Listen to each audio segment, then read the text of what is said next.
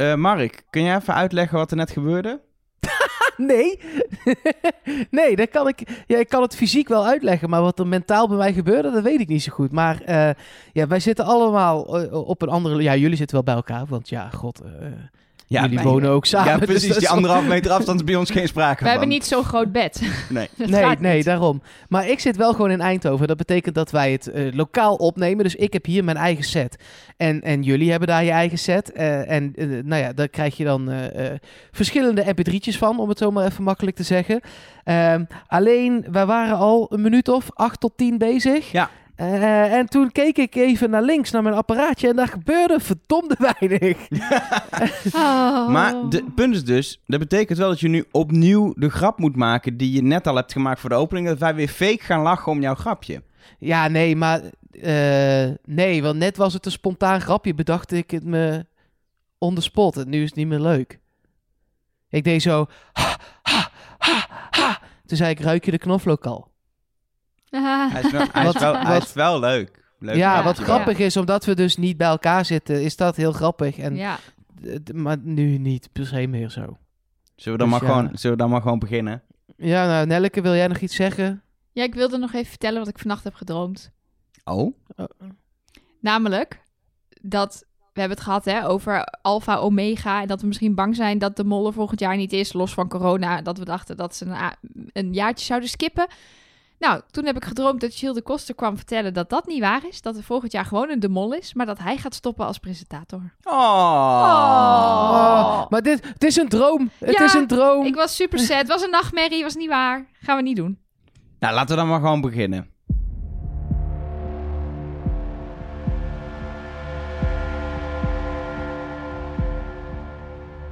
Hallo en welkom bij Trust Nobody, de podcast over de mol met eh, Nelleke Poorthuis. Met Mark Versteden. En ook met Willy Sommers. Nee, nee, nee, dat is, dat is niet meer. Met Elger van der Wel. Ik zal even op het knopje drukken. Hij doet het niet. Ik heb de Willy Sommers knop helaas eh, ja, laten, laten gaan. Daar ben ik heel blij mee, want ik heb voor mijn alihoedjesblokje heb ik een Willy Sommers hint. En Een ik, heb al, ik heb al hint? helemaal voorbereid hoe ik die hint kon, kon uitleggen zonder het woord Willy Sommers te gebruiken. Maar dat hoeft dus helemaal niet. Het- nee, het, ik wilde net gaan zeggen, Willy Sommers is niet meer. Maar hij is nog wel, alleen even niet bij ons. Nee, Nee. heerlijk. Wat een rust. Eh, Mark, wat ik me afvroeg, hoe is het nou om, eh, om eh, een halve aflevering lang een andere voetbalclub de hele tijd te horen langskomen dan jouw favoriete club? Hè? Nou, Sparta. Jezus. ja, eh, nou, Die ik- link ik- had jij ik- niet gelegd tijdens het kijken? Nee, En helemaal ik wel? niet. Ik heb, ja, nou blijkbaar. Maar ik heb echt het. eh, oh, eh, ik bedoel, we nemen dit op op dinsdag. De persconferentie is net geweest. We hebben gehoord dat er geen voetbal is tot 1 september. En ik had dat ook wel een beetje verwacht. En ik hou heel erg van voetbal.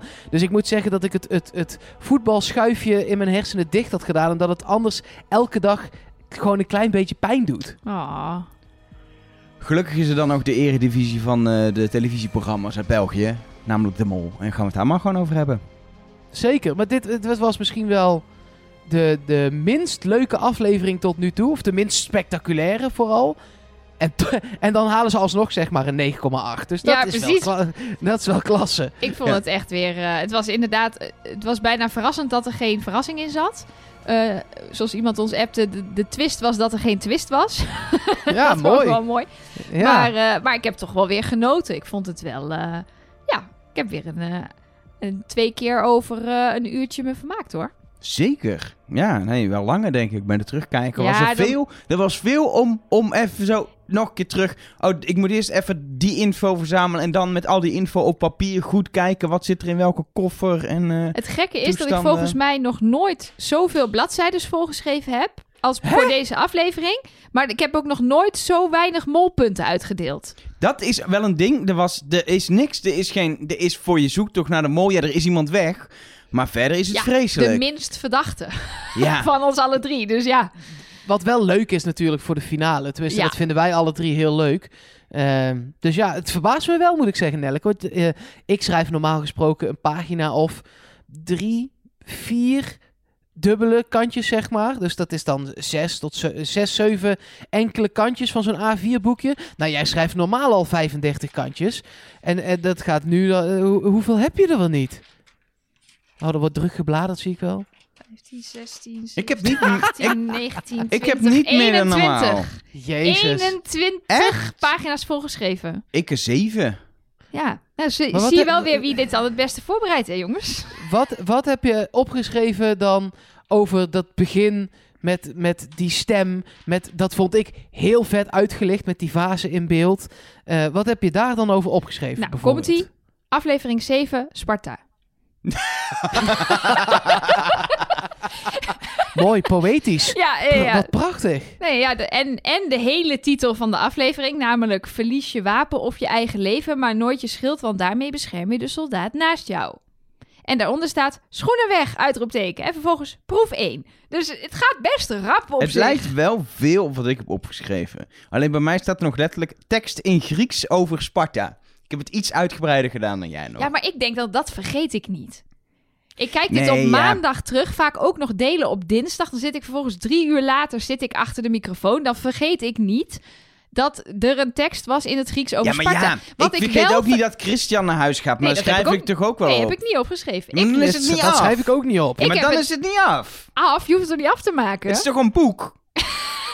Ga je Ja. dit uitbrengen? Ja, Dat hoop nou, ik niet. ik zit erover te denken dat we, dat we dit gaan weggeven dit seizoen. Ach nee joh. Is er niemand die dit wil? Wil iemand het hebben? Ja, maar mijn boekje kan dit jaar echt niet weg. Want ik heb ook allemaal piemels getekend. En eh, voor allerlei... Bij mij is het gewoon niet. Bij mij is het gewoon onleesbaar. Maar verder is het prima. Maar mijn dat boekje. is dan wel weer een soort mysterie. Dat mensen dan jouw molboekje moeten ontrafelen. Maar goed. Ik kan Maar gewoon even mij- een willekeurige tekst die je dan krijgt. Twee Burgondiërs kiezen dubbele punt. Doreen kiest zichzelf en Bart. Je wilt als mol natuurlijk eten. Toen zat ik nog op Doreen. ik, ik, zal, ik, zal, ik zal heel even voordragen wat, wat eh, gewoon een, een random zin eh, eh, uit mijn boekje voor nu. Eh, Voorgedragen Christian- uit eigen werk. Mark Versteden, mensen. Christian jat ei, kut corona. Alina jat kikkerechten, kut corona. Zo, zo, zo staat mijn boekje gewoon vol. Maar dat is, ja, je schrijft ook tijdens de PESCO van eh, premier Rutte in Nederland. Schrijf jij mee. Ja, nee, eh. ik, mijn, mijn- ik schrijf al mijn gedachten op. En eh, inmiddels is corona wel zo hard in mijn hoofd ook aan het, eh, aan het, aan het bonzen. Dat dat er maar moeilijk uitgaat, merk ik. Zullen we gewoon dan maar eh, de diepte induiken en de eerste proef eh, gaan bespreken? Ja, eigenlijk een soort ja, dubbele proef, die we denk ik ook wel deels los kunnen bespreken. Maar dan moet natuurlijk eerst worden bepaald, ja, wie gaat wat doen? Er zijn twee boodschappers nodig en twee kandidaten die goed boodschappen kunnen doen. Nu is er volgens mij op dit moment is niemand goed in boodschappen doen, want dat is er nogal een opgave met anderhalve meter ertussen. Ehm, maar in de tijd van deze opname kon het nog eh, gewoon. Eh, en was het toch op zich wel... Had ik ook wel gezegd, ja, ik kan wel boodschappen doen. Ben ik wel goed in. Nou, ik, Hoe kun je goed zijn in boodschappen Ja, doen? gewoon even dat je even denkt... Oh, ik ga een keer deze chips proberen. Of... eh, oh, ik, ben, ik bedenk nog even dat ik nog even in de diepvries afbakgezantjes extra meeneem. maar dat Elger is heb. echt beter in boodschappen doen dan ik. Ik heb er echt een godschuwelijke hekel aan. Ook pre-corona. Het Nee, echt oké, hij, hij vindt het leuker. Maar hoe kun je goed zijn in corona? Je gaat voor chips, goed je koopt zijn in corona. Hoe Nee, kun je goed zijn in corona? Sorry, hoe kun je goed zijn in boodschappen Het doen? is echt top of mind. Je hebt Ja, dat zei toch? Ja. Ja. we hebben net, we nemen dit op op dinsdagavond, dus die persconferentie is net afgelopen. Ja. Dus nu zit het helemaal top of mind. Maar nee, eh, hoe kun je nou goed zijn in boodschappen doen? Want je gaat voor chips en drinken en je komt thuis met chips en drinken. En Ja, dan ben je ja, er goed. Ja, maar toch, dan, dan heb je weer een nieuwe smaak gevonden. De mix-up kaas. En dan neem je, ga je die weer mee naar huis. En dan kun je er dan uitkijken om dat te proberen. Of je denkt, oh, ik ga weer een keer aardappel anders maken. Bestaat de aardappel anders nog? En dan ga je op zoek in de schappen. Waar zou het staan? Staat het bij de sauzen? Of staat het bij, eh, bij, de, bij de wereldgerechten? Ik of, trek dat eh, niet. Dat is Dit is een hele andere podcast, merk ik. Ja. We moeten, we moeten door. Maar wat opviel was dat er nog iemand zo gepassioneerd sprak over boodschappen doen. En dat was Alina, want die eh, was zeer helder in wat ze graag wilde. Ja, dan is de vraag natuurlijk... Waarom? Omdat ze dacht, nou, een boodschapper zijn, eh, dan moet ik waarschijnlijk lopen. Dat gaat even niet, want eh, mijn enkele stuk. Of is het interessant voor de mol om in die positie te zijn en is ze de mol? Nou, dat, die, dat vind ik een, een echt een goede vraag. Hier waren we ongeveer toen ik erachter kwam dat, dat, dat, dat mijn opname niet liep. Eh, maar nee, je, je wil denk ik als mol, dat is in ieder geval Eh, of dat dan lukt, dat weet je niet. Want als Alina niet de mol is en ze is zo stellig, dan wordt het misschien heel lastig om jezelf daar nog bij te voegen. Dus je kunt dat op twee manieren bekijken. Maar je wil natuurlijk boodschappen doen, want dan heb je invloed op allebei de opdrachten. Ja, maar er is wel een, een- een, dingetje aan de hand bij deze opdracht natuurlijk. Die, ehm, die opdracht met het, eh, met het lopen, die kan 4000 euro opleveren. En als je zorgt dat de schilden niet gepakt worden als mol in die opdracht, weet je eigenlijk wel zeker dat die pijlen, zeker als je nog dat, dat rolletje open zou rollen, dat die pijlen dat die, eh, wel die kandidaat gaan raken. En dan heb je dus 4000 euro uit de pot gespeeld. En je weet ook dat die boodschappenkandidaten nooit de volle 3000 euro gaan pakken. Dat dat waarschijnlijk niet helemaal gaat lukken. Nee, want je nee, moet vaker is- terug naar binnen en je merkt, je gaat, het gaat opvallen. En het worden moeilijkere producten. Dus dan speel je zwaar meer uit de pot dan als je zeg maar gaat zitten en misschien dan nog geraakt wordt. Dat lukt je dan. En dan speel je 2000 euro uit de pot. Maar die andere laten raken is heel moeilijk, want dat is een andere kandidaat. En volgens ook weer bij het boodschappen doen moet je wel iets ophalen. Dus ik denk uiteindelijk dat het...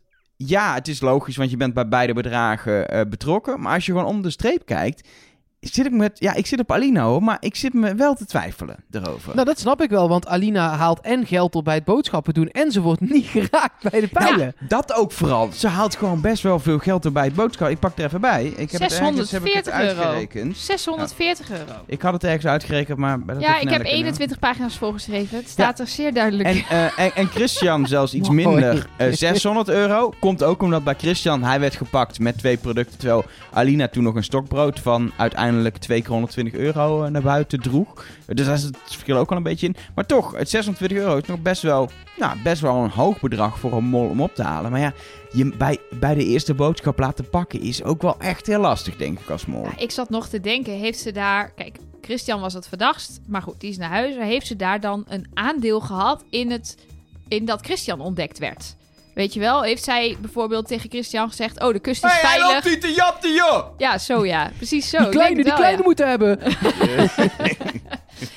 Nee, maar misschien heeft ze wel... Als Christian met zijn rug naar zo'n winkel, winkelpersoneel staat... en hij vraagt, is de kust veilig? En zij zegt, ja hoor. En daar staat die manager gewoon. Die denkt, hè, daar steekt de ene een, een- een zak eh, feta in zijn broek. Oké.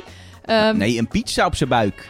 Ja, die heeft hij gewoon eh, naar buiten Ja, gesmokkeld. dat is waar. Hè? Dus, Dat is wel eh, knap. Maar werd hij niet gewoon gepakt door de camerabeelden? Want zo vond ik het lijken in de montage. Ja, daar zat ik nog een beetje over te twijfelen. Want bij het terugkijken leek mij, maar dat is hoe ik het zie, dat een, iemand hem dat heeft zien doen. Eh, Ja. die, die man in die winkel die sowieso al niet zo opviel omdat hij niet zo'n schortje voor had. ehm, dat die dat heeft gezien en dat ze vervolgens op de camerabeelden gingen kijken of hij het had gedaan. Volgens mij gaat dat ook vaak zo met een winkeldief. Dat je dan even moet terugkijken. Van hé, ja, inderdaad, hij heeft gejat. Nu gaan we hem pakken. Maar goed, dat, ja, dat werd best wel strak gemonteerd. Dus hoe dat nou precies is gegaan, weet ik ook niet. Ehm, ik weet ook niet of er in zo'n winkel constant iemand naar de camerabeelden kijkt. Ja. Maar goed, ik, eh, ik vond het zo ook echt wel grappig dat Christian nog even peentjes zat te zweten. Voordat ze die manager erbij riepen die er wel van wist. Wat, natuurlijk, wat natuurlijk interessant is aan deze opdracht is hoe ze hem ook hebben benaderd. Ze zijn eerst los van elkaar gegaan. Ehm, Alina deed echt slim door dingen in het mandje stoppen, even een rustig plekje op te zoeken, het weg te stoppen. Ze begonnen met lage producten, wat logisch is, want die zijn makkelijker. En dan kom je eerder ook aan de keer twee en kun je een beetje wennen aan überhaupt dat idee van spelen. Daarna word je natuurlijk iets overmoediger. Het was zo erg een soort kandidatenverloop. Ehm en uiteindelijk is het natuurlijk, als je over nadenkt, crazy dat, dat het Alina gelukt is om een compleet stokbrood weg te Tussen de mo- tieten Ja. te stoppen. Maar dat het ook nog gelukt is ook, weet je. Ja, ja. Het is niet zo dat ze hele wijde kleding aan had ook. Nee. Dus het is, dat, dat, is, dat het gelukt is en dat ze het zo goed heeft gedaan blijkbaar, is zo niet des mols. Het is wel opvallend dat ze deze keer... Ze heeft heel vaak jurken aan zonder zakken. Lange jurken. Eh, zoals, of, of niet zo heel lang zoals bij het touwtjespringen. Maar in ieder geval jurken zonder zakken. En dan had ze helemaal niks gekund. Ja, Nou ja, ik riep dus naar mijn televisie... Oh, wat super slim dat ze een jurk aan heeft. En toen bleek die jurk zakken te hebben. Ja, ja Dat ze had, ze echt had een volgens mij een zwart broekje aan met een shirt erin of zo. Met zakken. Dus maar ze had in ieder geval... Ze hadden allebei iets aan waar wat in kon. Misschien was dat ook wel gewoon de opdracht, hè? Dat ze, krijgen kledingadvies natuurlijk. Van, oh, wacht, eh, ik bedoel, Jolien had ook ineens een sportoutfit aan. Eh, en slippers, want dat moest. Van de productie. Dus het kan ook zijn dat ze hebben gezegd... trek iets aan met, met zakken, punt. Ja. Met wijde zakken, want Ja. eh, dan moeten dingen in. Ja, bijvoorbeeld. wat ik- Maar goed. Wat ik trouwens wel opvallend aan Alina weer, ehm, is dat ze al vrij snel een aansteker bij de kassa eh, pakte in het begin. Heel erg gevaarlijke locatie. Terwijl hij was ook maar was het 30, 30 euro. waard. Ja. hij is makkelijk weg te moffelen. Maar hoe, ja, zeg maar fysiek, maar qua plek is echt onhandig. Dan kun je beter in een hoekje met een stokbrood staan te, te klooien. Stokbrood van 120 euro trouwens. ja, maar weet je wat het hele probleem is? We kunnen wel altijd zeggen wat er fout had kunnen gaan, maar er ging niks fout bij haar. Nee, Zo nou het enige, het enige wat er fout ging bij deze opdracht is dat ik hoop dat als er Grieken ook naar deze aflevering kijken, dat die winkel zijn beveiliging inmiddels op orde heeft. Want als echt alleen de manager ervan af wist en de, de winkelbedienden allemaal niet, dan denk Was ik dat er wel wel eens veel gejat kan gaan Ja, worden. maar sowieso even hoor. Maar als een ei al, eh, wat was het, eh 50 euro of zo kost, dan zou ik ook gaan jatten. Ja, Ja, nee, maar... er Nee, zijn maar toch geen prijzen meer, jongens? Nee, maar dat is, in, in Griekenland is wel een beetje inflatie door financiële problemen geweest. Maar een ei is daar niet 50 euro. Pizza margarita 110 euro. Ja, en een zakje chips kost ook geen 60 euro. Nou, eh, ik ken plekken toch... eh, Oh, dit is echt hilarisch. Er- Hier zijn ook allerlei memes van. Die gaan al overal rond. Eh, dat je dan inderdaad dat shot ziet dat Christian in de auto zit bij Gilles en hem een zakje chips geeft. En dan staat er in de ondertitel zo, zakje chips 60 euro. En dan zet iemand op Twitter erbij, zaterdagavond bij Kinepolis. ja, ik ja, nou, dat gaat niet door dit jaar. Helaas. Ja. Ik hoop dan Oh, wel dat ja, cheese onion is, maar dat even, even terzijde voor de patrons. eh insidegrapje. Oh, Is leuk. ja. Insidegrapje voor de patrons. Gezellig. Ehm, in ieder geval, ehm, nog iets opvallends te zeggen verder? Volgens Nee, ze hebben we- ik ben het helemaal met jou eens. Ze speelden het eh, zoals, je- zoals ik het ook zou spelen. Ja. Dus ik Ja. heb weinig op aan te merken. En ik denk, of ze nou de mol is of niet, dat, dat dat hele gedoe met die enkel wel echt was. En dat je niet, als dat eh, geacteerd was toen met die, met die, met die triathlon, of wat was het, de, de pentathlon, dat, het dan, eh, dat je dan nu nog met een brace rond gaat lopen. Dat, Nee. eh, om dan misschien bij deze opdracht niet bij de boodschappers terecht te komen, dat is wel een erg vergevorderd spel. Maar ik, eh, dus ik, ik vermoed dat ze gewoon echt, eh, echt een tik, een verzwikte enkel heeft Of gehad. gewoon graag boodschappen doet. Kan dat, natuurlijk ook. Dat sowieso. Ehm, het levert in ieder geval 1240 euro op. Eh, had 3000 kunnen zijn, want het boodschappenlijstje was, als je het optelt, eh, eh, precies 1000 euro. Ik zat heel moeilijk te rekenen. Toen dacht ik, oh, eigenlijk is het best wel een logisch lijstje. Het was uiteindelijk 1000 euro. Nou, keer 3 als je alles had, dat is dan, dan is dan 3000 euro. Ehm, ja, dan is, dan is het toch heel, een meerderheid niet opgehaald, maar toch een flink bedrag eh, weer erbij in de pot. Dus een beetje Ik vind 600 euro echt best wel substantiële bedragen, hoor. om als mol op te halen. ja, zeker. Ja, nee, zeker. Dat, dat is zeker waar. Bij de andere opdracht was ze 4000 euro te verdienen, maar daar moest je wel voor, eh, voor afzien. En dat heeft uiteindelijk vooral Jolien gedaan, want eh, die heeft anderhalve kilometer minstens op, op blote voeten gelopen. Wat deed Bart daar?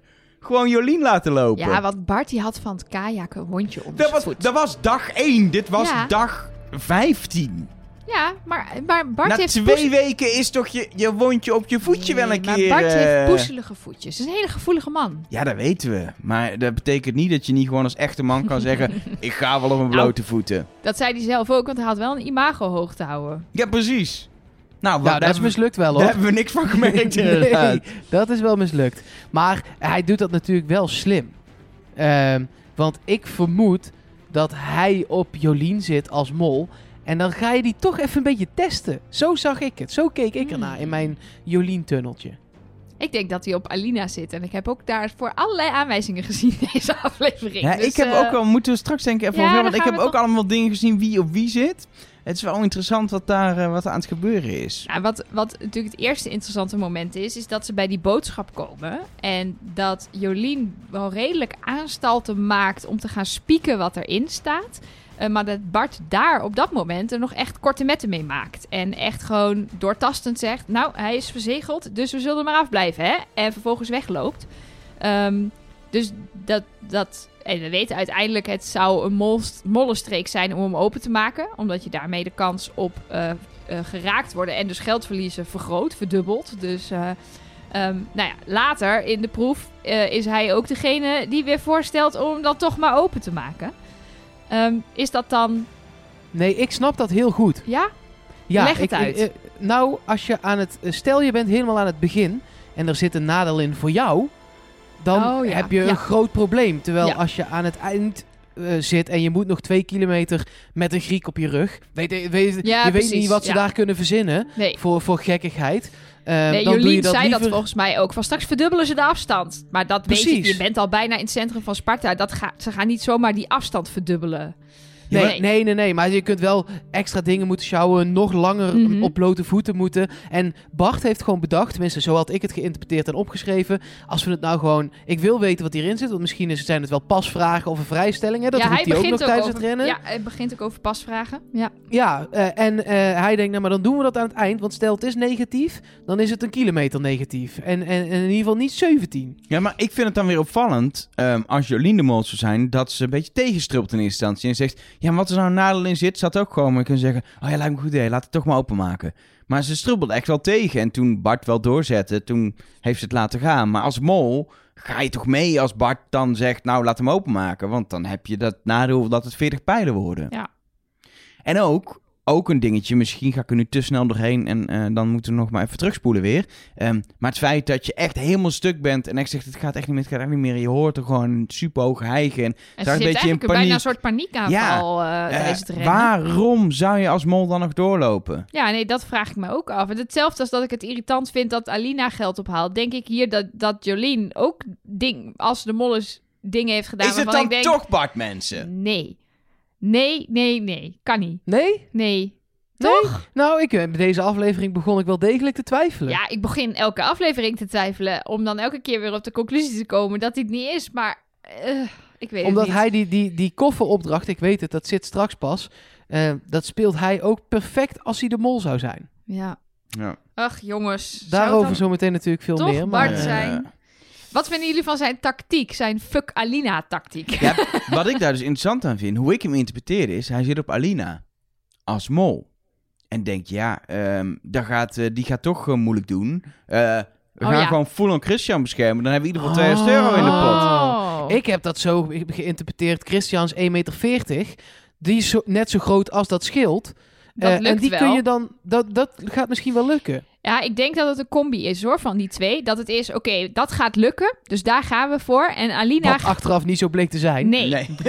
En Alina, dat gaat waarschijnlijk niet lukken. Want dan moeten we twee mensen beschermen. En ze is ook nog eens de mol. Dus ze gaat waarschijnlijk haar best doen om geraakt Ja, te dat worden. is vooral de manier waarop die de fuck Alina zei. Dat ik dacht, dat zeg je niet als, ze, als je gewoon... Als je, dat Nou, zeg je alleen als je denkt dat ze de mol is. En wat ik me ineens bedenk.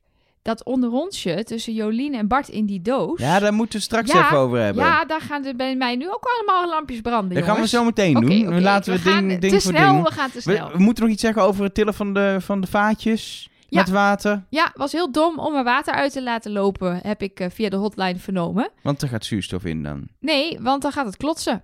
Iemand stuurde ons, mijn vriend zit in het leger en die zei, ehm, dat moet je niet doen, want dan gaat klotsen, wordt het zwaarder van. Dus ja, dat... Eh, ja, ik geloof meteen als iemand leest. maar ik moet... Ik, ik sjouw niet zo vaak vaten water, moet ik heel eerlijk zeggen. Ik weet niet hoe jij Nee. daarmee zit, eh, Mark. Nee, helemaal nooit eigenlijk. En Nee, eigenlijk, Sherry kennetje op de camping vroeger, maar daar was het ook wel. eigenlijk hebben ze het toch ook gewoon goed gedaan. Ze hebben het blootvoets is gelukt, het sjouwen is gelukt. Dus Ja. ze waren op tijd bij de schilden. Het Ze 6 hebben kilometer rennen is ook hele gelukt. ja, stuk ja. hard gelopen. Hm. Ik dacht eerst, lopen in, in België is dus wat wij rennen noemen.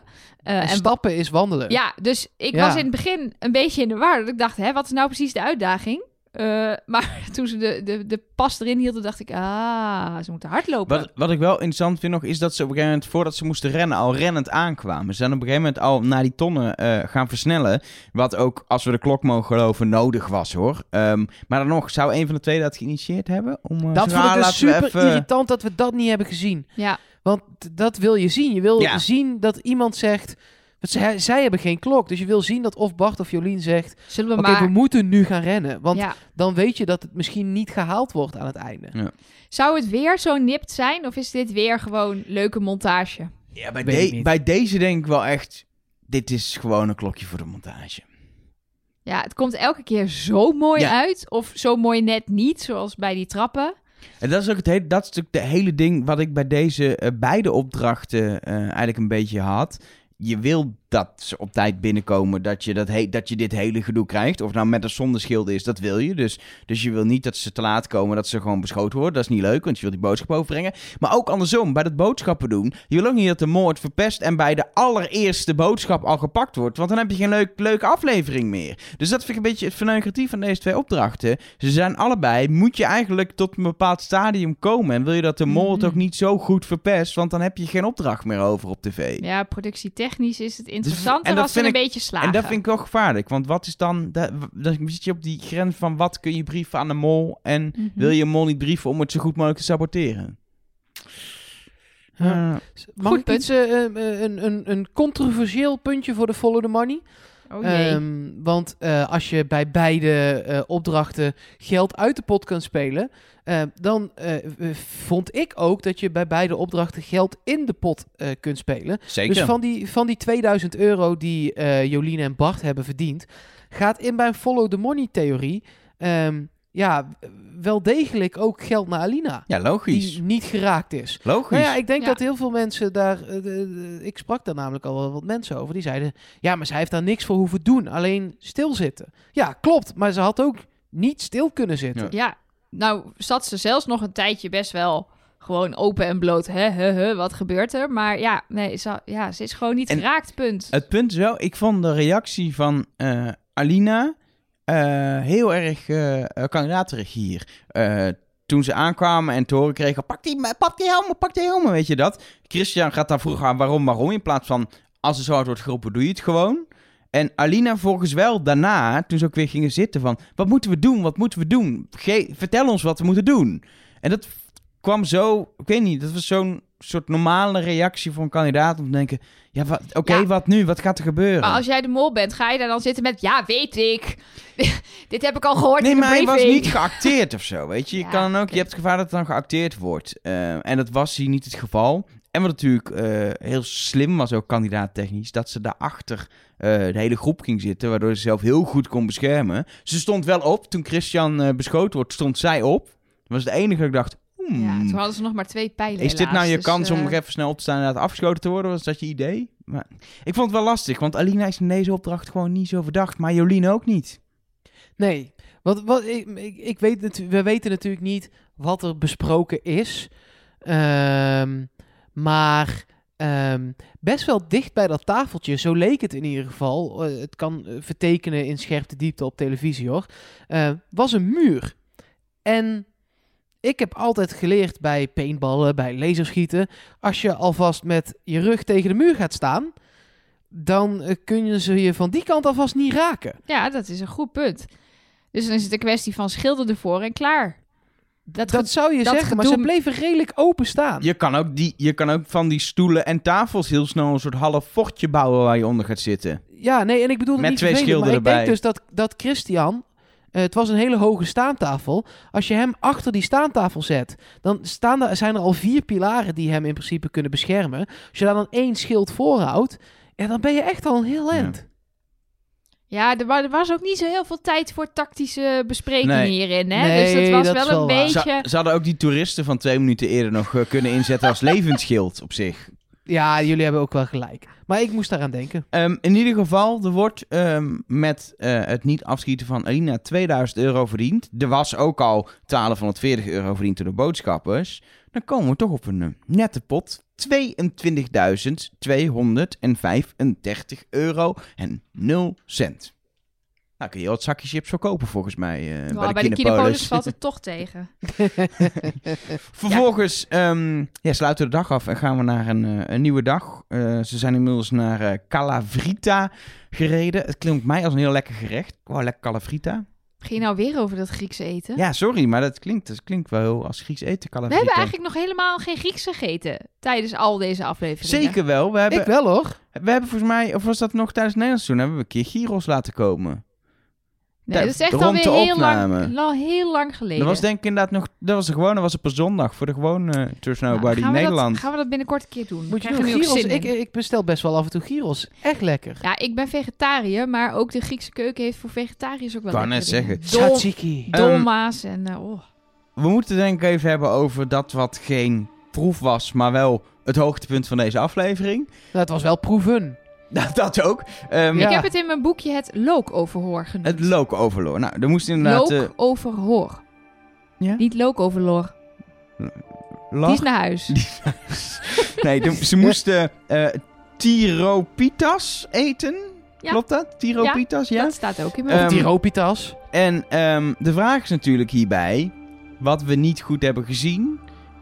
Wie pakt welke? Als in, waar lag degene? Ja. Eh, Heeft degene die recht voor zijn neus gepakt bij Jolien? Het enige wat we hebben gezien is dat Bart degene pakte die gewoon bij hem aan zijn kant lag. Ja, en we Ja. weten ook niet hoe is dat daar terecht gekomen. Is dat productie geweest die dat heeft neergezet? Hoe zijn die kandidaten daar gaan zitten? Was dat een vooropgezette eh, eh, selectie? Ik weet bijvoorbeeld van Jury met het, met het Zwarte Pieten van vorig jaar. Dat toen werd verteld wie waar moest gaan zitten.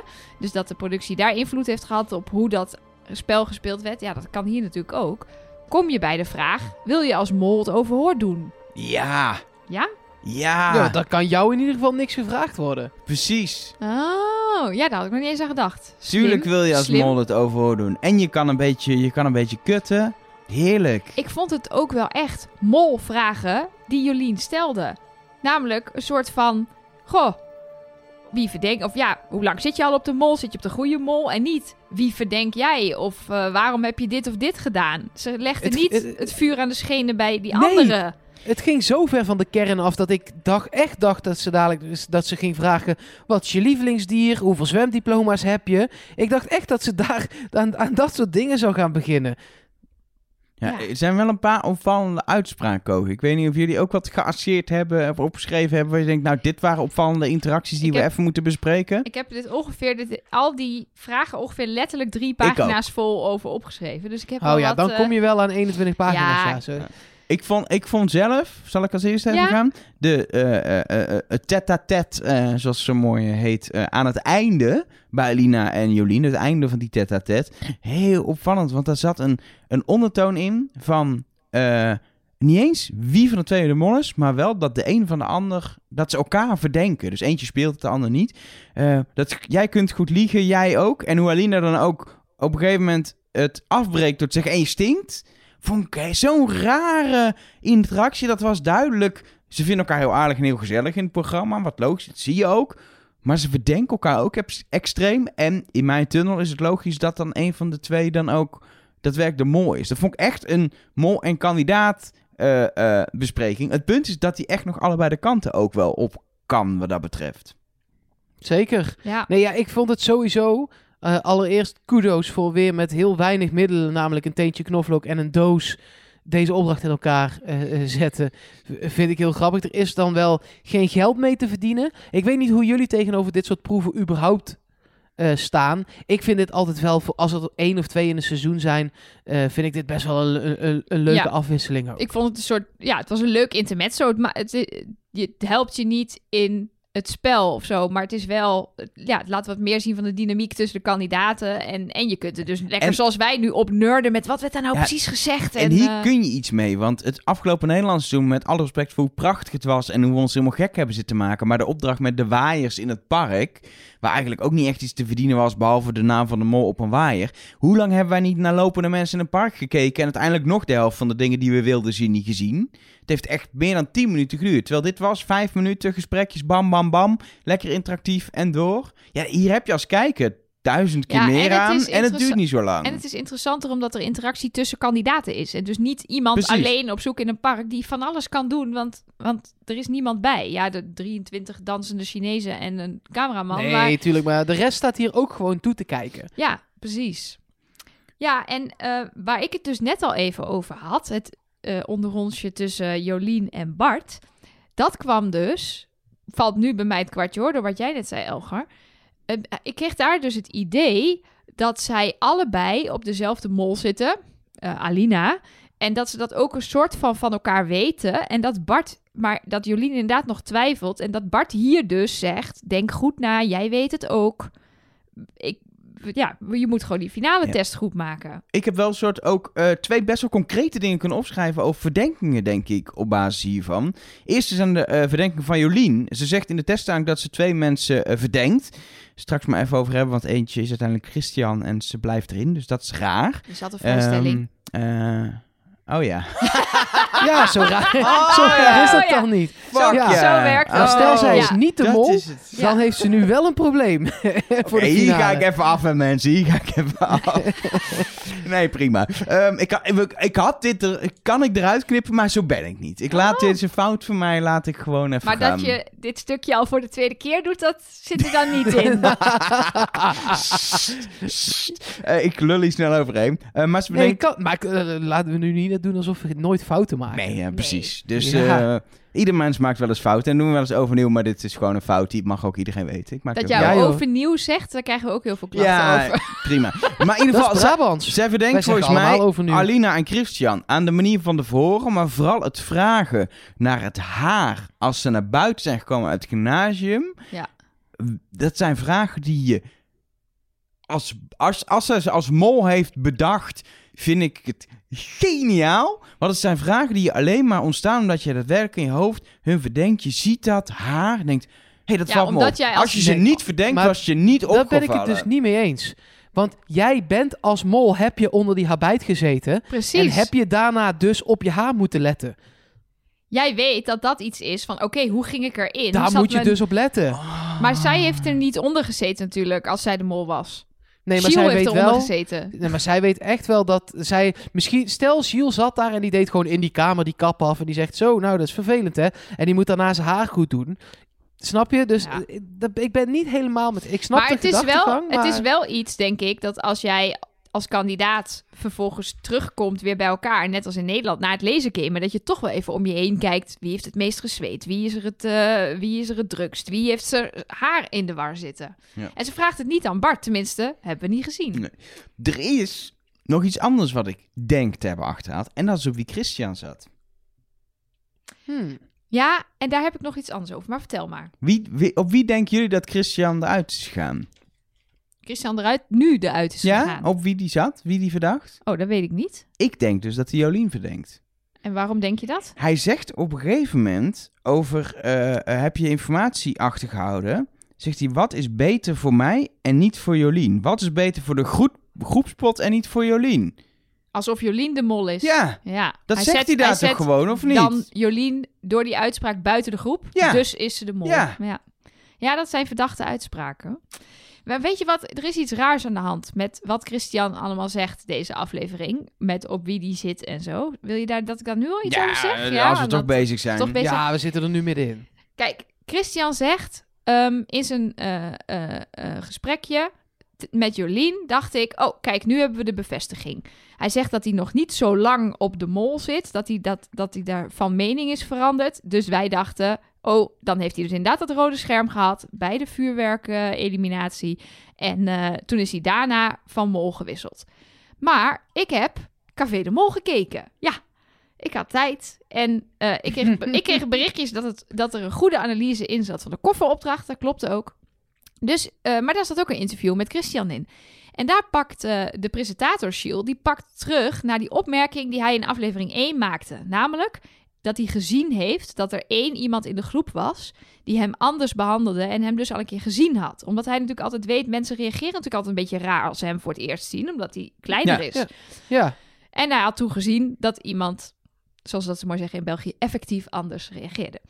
En toen vroeg Gilles dus, heb je daar nog wat aan gehad? En toen kwam hij met het verhaal, ja, zeker heb ik daar wat aan gehad. Het heeft ervoor gezorgd dat ik vanaf aflevering 1 80% van de vragen op mijn mol heb gezet. Het hele spel door. Dus dat komt totaal niet overeen met wat hij hier in die doos aan Jolien lijkt wijs te maken of te vertellen. En onze analyse dat hij een rood scherm heeft gehad. Tenzij iedereen al goed zat, ook bij de vuurwerkeliminatie. En het, eh, het helemaal niet ging om wisselen van mol, maar gewoon de meeste vragen goed. Ah. Hmm. Zou kunnen. Ja, de, dit, ik weet dat dit een dooddoener is die ik nu naar jullie toe ga gooien. Maar dat gaan we wel echt pas over twee weken zeker weten. Ja, en misschien, ze zijn nooit zo heel erg scheutig, vind ik, bij de mol met achteraf. Wanneer kwam iemand op de, het spoor van de mol, zeg maar van Nee, iedereen? Soms hoor je het nog wel van de winnaar. Weet je, vorig jaar hebben we het wel gehoord wat er dan precies voor een actie was. Eh, waardoor, ik ga even niks spoileren, maar waardoor de winnaar dacht, hé, hey, dat is opvallend. En toen, eh, en we weten van oudere seizoenen soms ook wel wat van die dingen. Maar ik vind dat altijd wat minder duidelijk eh, dan in Nederland. Maar dat, dat vond ik dus heel opvallend. Want ik dacht, het klopt helemaal. In mijn hoofd klopt het helemaal. Nou, die biecht, of in, die, die, die doos, dat Christian daar vertelt dat hij gewisseld is van Mol. Ik denk, ja, zie, had hij toch dat rode scherm. Denk je dat we dat nog te zien gaan krijgen? Wie dat nou, wie dat nou moet was? Zeker. Ja, dat, Ja. eh, daar- ze, moeten, zo, zo, die, ze moeten die reunieaflevering vullen met dingen. En er wordt niet met geknuffeld tussen kandidaten. Dus Nee. denk ik dat we dat soort informatie toch echt wel eh, te horen krijgen. Ik ben echt... Sowieso kunnen, we- gaan we dat wel zien, want zij zijn daar zo niet zo moeilijk in ook, omdat wat maakt het uit? Helemaal, nu maakt het nog iets uit, omdat Ja. je iets kan redeneren, maar wat maakt het aan het einde uit? Niks meer. Ja. Waren er nog meer look-overhoorpunten die we echt moeten aanstippen? Ja, nee, er was één ding wat ik, ik... Ik heb dit keer bij de eerste keer al meegeschreven, omdat ik niet zoveel tijd heb deze week. Ehm, en toen had ik opgeschreven, Christian is zeker de mol niet. Want die was daar zo oprecht in, ik ben niet de mol. Maar ja, eh, dat bleek Ik vond achteraf het ook, ook. zo schattig dat Jolien hem iets vroeg.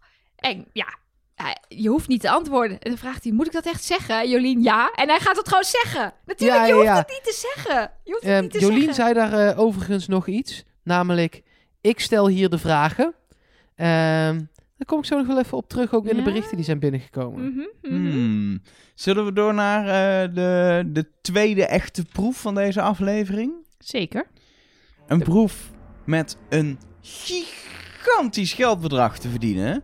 5000 euro. 5000 euro. Ik, ik zei vorige week, weet je nog wat ik vorige Mhm. week zei, er kan nog in twee afleveringen 20.000 euro bijkomen. Eerste opdracht was totaal 7000 euro. Dit 5000, 12.000 euro Ja, had er verdiend kunnen nee, worden, hè? Ja, Nee, Ja, ga maar 5000 nu, euro. nee, nu ga je niet mijn ding onderuit halen, Mark Versteden. oh, oké. Het is wel gewoon een feit wat Elge hier over tafel... eh, Nee, er was in principe eh 5000 euro eh, te winnen. Dat klopt. Maar dan moeten er vier mensen met een koffer naar buiten lopen... die allemaal individueel een koffer mogen kiezen. Dus in principe was er ook niet echt 5000 euro. Nee, er te schijnt een mol mee te doen aan dit programma. Ja, en... De, Maar- de- de- ja, Jongens, als er twee mensen voor een vrijstelling, vrijstelling hadden gepakt... was ook gewoon het geld binnengekomen. Ja, maar wel maar Dus van twee koffers. Toch? nee, precies. Oh, ah, Dus oh, dat is niet was het. 5000 euro. Oh, Dan dat geldt had- alleen Ah. bijvoorbeeld eh, eh, eh, 2000 en 1500. Dat was het meest optimistische scenario. Dan had dat gegooid. 3500 Dat blijft max. dan gelden. Ja, maar die koffers die niet gepakt zijn, gelden nooit. Dus het is of Oh ja. het zijn twee koffers of vier die gelden. Maar drie Ja. was niks. Dus 5000 euro staat er, stond er mooi bij, zeg maar, in het scherm.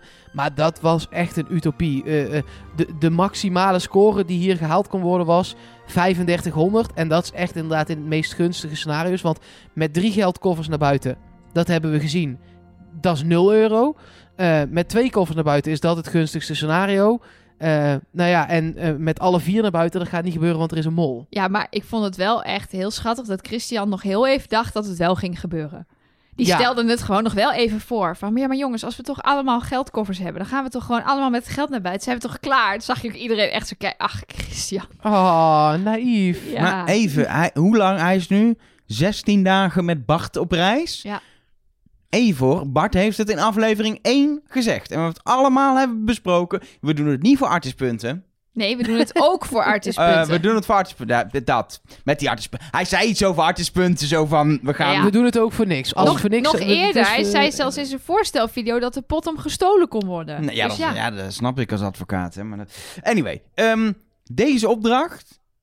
Ik heb van alles opgeschreven, maar hij is, er zit zoveel lagen in dat ik even niet weet hoe we deze moeten bespreken. Ik ga mijn microfoon neerleggen, want ik ben op een gegeven moment gestopt met schrijven. Omdat ik dacht, hier kan letterlijk iedereen weer gemold eh, hebben. Eigenlijk behalve Christian. Ja, weet je wat namelijk het punt is in deze opdracht? Het is niet helemaal hetzelfde, maar als mol en als kandidaat heb je een vergelijkbaar doel. Ja, Want als precies. kandidaat wil je dat er één vrijstelling wordt gepakt en dat jij dat bent. En als mol wil je dat er één vrijstelling wordt gepakt, maar dat hoef jij niet te zijn. Want dan is er geen geld. Dus dat maakt het analyseren van wat er precies gebeurt weer. Alles is weer multi-uitlegbaar. Want je kan weer zeggen: ja, dat kan je doen als mol, maar dat kan je ook doen als kandidaat. Ja en nee, want je weet wel dat als laatste een koffer kunnen pakken, weten wat er allemaal in zit, dan een heel interessante positie is. Ja, maar Alina had als derde ook alle informatie die ze nodig had om een weloverwogen keuze te maken. Ja, zeker. Want zij wist bijvoorbeeld, Alina, eh, Alina wist, Jolien heeft de vrijstelling gezien. Als Alina de mol is, hè, en ze weet Mhm. dat, we gaan er maar gewoon even vanuit dat de mol natuurlijk weet in welke koffer wat zit. Dat lijkt me niet Dat meer dan me logisch. ja. Dan, weet, dan weet zij, eh, eh, Jolien heeft de vrijstelling gezien en heeft daarover gelogen. En degene voor haar, die hebben geld gepakt. Dus zij kan gerust geld pakken. Want ze weet dat, ja, Jolien gaat als laatste echt wel die vrijstelling pakken. Ja. En Jolien had namelijk ook alle informatie als laatste. Dat vertelt ze ook heel rustig aan de camera. Want die had kunnen deduceren dat Bart niet een vrijstelling heeft gezien, want hij heeft hem niet goed omschreven. Eh, hij, ze heeft kunnen deduceren dat er 2000 euro zat in de koffer die Christian had gepakt. Nou, ze weet dat de gele koffer weg is, dat daar geld in zit. Want, dat, want er zat alle vrijstelling in de grijze. Dus die heeft ook alle informatie. Dus. Ja, ah! Het punt is qua informatie. Uiteindelijk had Bart de beste informatiepositie. En hij heeft best wel veel gedeeld uiteindelijk. Doordat hij op een gegeven moment ook zijn eigen koffer nog deelde. Maar hij wist ook dat Christian 2000 euro had. Hij heeft dat allemaal op een gegeven moment op tafel gegooid. Wel van, je moet hem dan maar geloven. Maar op zich heeft hij het vrij oprecht gedaan. Dan was het best wel geloofwaardiger dan mensen die gewoon zeggen wat er in die koffer zit. En hij wist ook nog wel dat er ook iemand anders moet liegen. Omdat als je op gaat tellen met die twee keer 1000 euro van de rest Ja, kom, kom, je niet uit. Dus er moest iemand, eh, eh, er moet een koffer van 1500 zijn eh, in het spel. Ja. Dus je wist dat iemand die had of niet had, maar dat er dus iemand liegt. En hier zit weer voor mij bewijs dat hij Alina verdenkt. Want hij weet, één van die twee meiden zegt dat er 1000 euro in haar koffer zit. En dat klopt niet. Dat kan niet kloppen, want dan klopt de rekensom niet. En hij vertrouwt Jolien, want hij pakt de gele koffer omdat hij echt denkt dat daar een vrijstelling in zit. Ja. Dus dan heeft hij dus Jolien vertrouwd en dan denkt hij dat Alina liegt als mol. Ja, of... ja, maar daar gaat het wel mis ook. Ja, Ja, Dus- dus- ja dat de- is dus het lastige, want daar, ja... Ja, oh. Ja, Of- ik vind ook dat hij, want ik zei dat toen straks al, dat Bart dit heel slim gespeeld heeft door eerst te liegen en vervolgens met eh, de waarheid te komen, waardoor je eigenlijk al helemaal niet meer weet wat nou de waarheid is. Ehm, waardoor hij ook best als eerst kon, omdat mensen misschien wel dachten. eh, ja, misschien heeft hij wel degelijk de vrijstelling en loopt hij twee keer te liegen. Dus eigenlijk was iedereen hier aan Ja. het mollen. Maar ik vond dat hij het wel echt slim speelde door extra verwarring te zaaien. ja, aan de andere kant, hij deelde wel heel veel informatie die heel interessant was met iedereen. Hij had ook allemaal voor zichzelf kunnen. Hij had echt een hele goede uitgangspositie. Hij wist dat Christian 2000 euro had en dat een van de anderen ook lo- loog.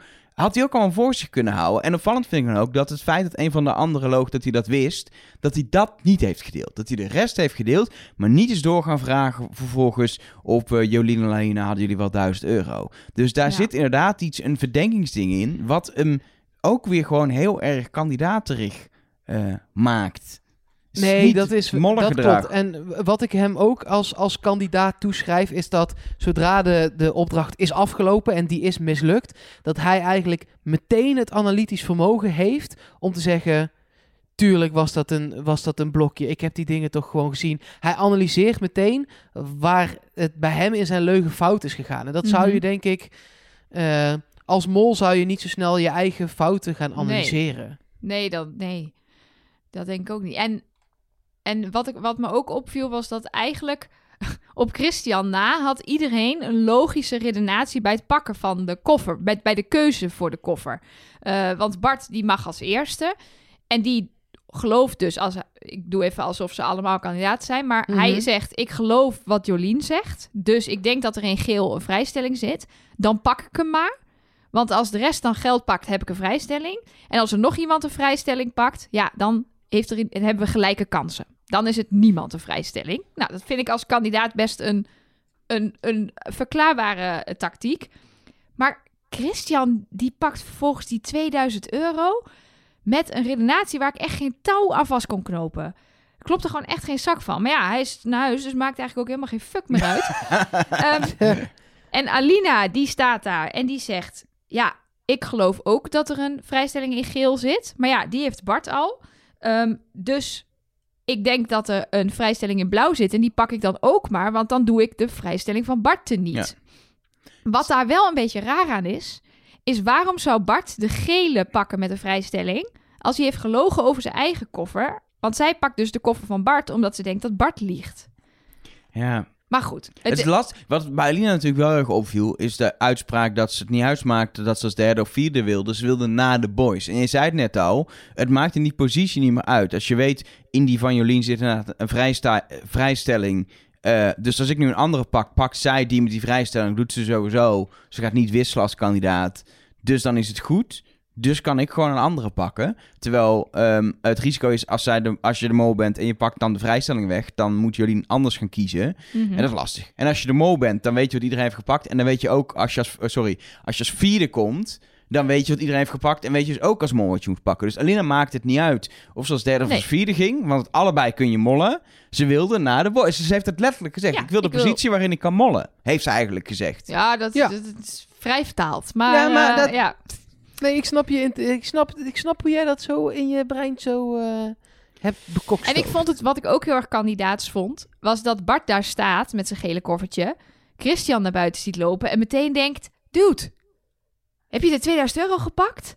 Waarom zou je dat doen? Dat, Ja. dat vond ik ook heel erg kandidatenreactie, want dat is als kandidaat inderdaad ook echt een gekke actie, omdat je, iedereen ging daar voor zijn eigen gewin, maar Christian die werd weer een soort van verteerd door, En- ah, ik moet toch geld pakken. En aan de andere kant, niet eens willen proberen een cijferreeks op te lossen. En meteen roepen, laten we teruggaan. Vond ik weer best wel Ja. mollerig van Bart. Dat is waar. Dat is waar. Dat was wel echt door het doorzettingsvermogen van Christian eh, aan hem te danken dat eh, dat, dat eh, kistje open werd gemaakt. Lekker. Ik denk dat we alle drie de namen evenveel hebben genoemd Ja. in deze Ja. aflevering. Deze aflevering is ook wat opdracht, sorry, wat proeven betreft, eh, dan aan het einde gekomen. maar we Eh, moeten nog één ding zeggen over deze kofferopdracht. Namelijk Oh, de ja, reactie van Jolien op het moment dat ze zich realiseert dat zij de vrijstelling heeft. ja, ze is wel blij. Nee. Wat Nee! was dat? Het was een soort van alsof ze toen pas besefte wat ze had gedaan. Maar was dat dan? Is dat, ik vond het ook wel een beetje heftig. Dus ik denk, ja, maar iedereen begrijpt toch hoe deze opdracht werkt. Dit was toch ook jouw doel? Vanaf het moment dat je die vrijstelling zag in die grijze koffer, heb je toch je best gedaan om hem te krijgen. Ja. Nou heb je hem en nu is het een soort van, oh sorry, oh shit. Ze roept echt sorry en fuck. Ja, Ik vond dat heel molachtig. Ja, ik zit nog steeds in mijn tunneltje. Ik kan er niks aan doen. Want als kandidaat ben je hier natuurlijk... Je gaat de fucking finale in. ja, ik, Tuurlijk ja, ben je blij. Ja, ik zou ook inderdaad denken dat je blijer bent. Maar misschien was het een soort realisatie van... Oh, kut, ik, ik speel dus nu... Ik speel nu zelf effectief een ander weg. Het gaat niet meer om de test. Ja, maar Ik hallo, dit- ja, maar dat het, is het. geen, het is geen... We gaan gezellig met z'n allen Nee, op ja, vakantie. Bart zei ook meteen, nee, geen sorry, goed gespeeld. Ja. Die, die snapte het helemaal. Terwijl, terwijl, en dat heb ik in mijn hoofd er ook nog wel bij gehaald... dat zij hem in deze serie echt twee, drie keer heeft aangesproken nog op die 10.000 euro. Ja, Ehm, ook in de dus- doos ook weer. Begint ze er weer Precies. over. Dus, dus eh, anderen mogen dan niet zo spelen, maar nu kiest zij voor zichzelf. Dat zou nog de enige kandidatenuitleg kunnen zijn. En dat ze daar dan een beetje van baalt bij zichzelf. Ja, dat ze dan eigenlijk denkt, ik heb me laten verleiden tot iets waarvan ik eigenlijk dacht, dit zou ik nooit doen. Zou zo ben ik niet, doen. zo zit ik niet Ja. in elkaar. Ik, ik eh, bied 400 euro voor een vrijstelling en Bart 10.200. Ja, en nu bood Ja. ze dus 4000. En nu bood ze 4000. Nee, 5000. Eh, 5000 In principe 5000. Nou ja, ja, volgens eigenlijk Mark 3500. 3500. Ja, precies. Is toch zo? Ja, nee, maar dat is meer geld dan dat ze toen heeft geboden. Ja. Dus dat, maar dan moet ik ook eerlijk bekennen dat ik heb gezocht naar een verklaring die het zou kunnen zijn als zij een kandidaat eh, was. Oké, ja. In Nou, ieder goed. geval, 0 euro verdiend met deze opdracht. Pot blijft staan op 22.235. En die gaat daarin mee naar de finale. Waarin nog wel geld kan verdiend worden met eh, schieten. eh, met eh, een of andere soort crazy striptease money game. waar het geld door de kamer vliegt. Ik weet, niet wat er allemaal gaat gebeuren.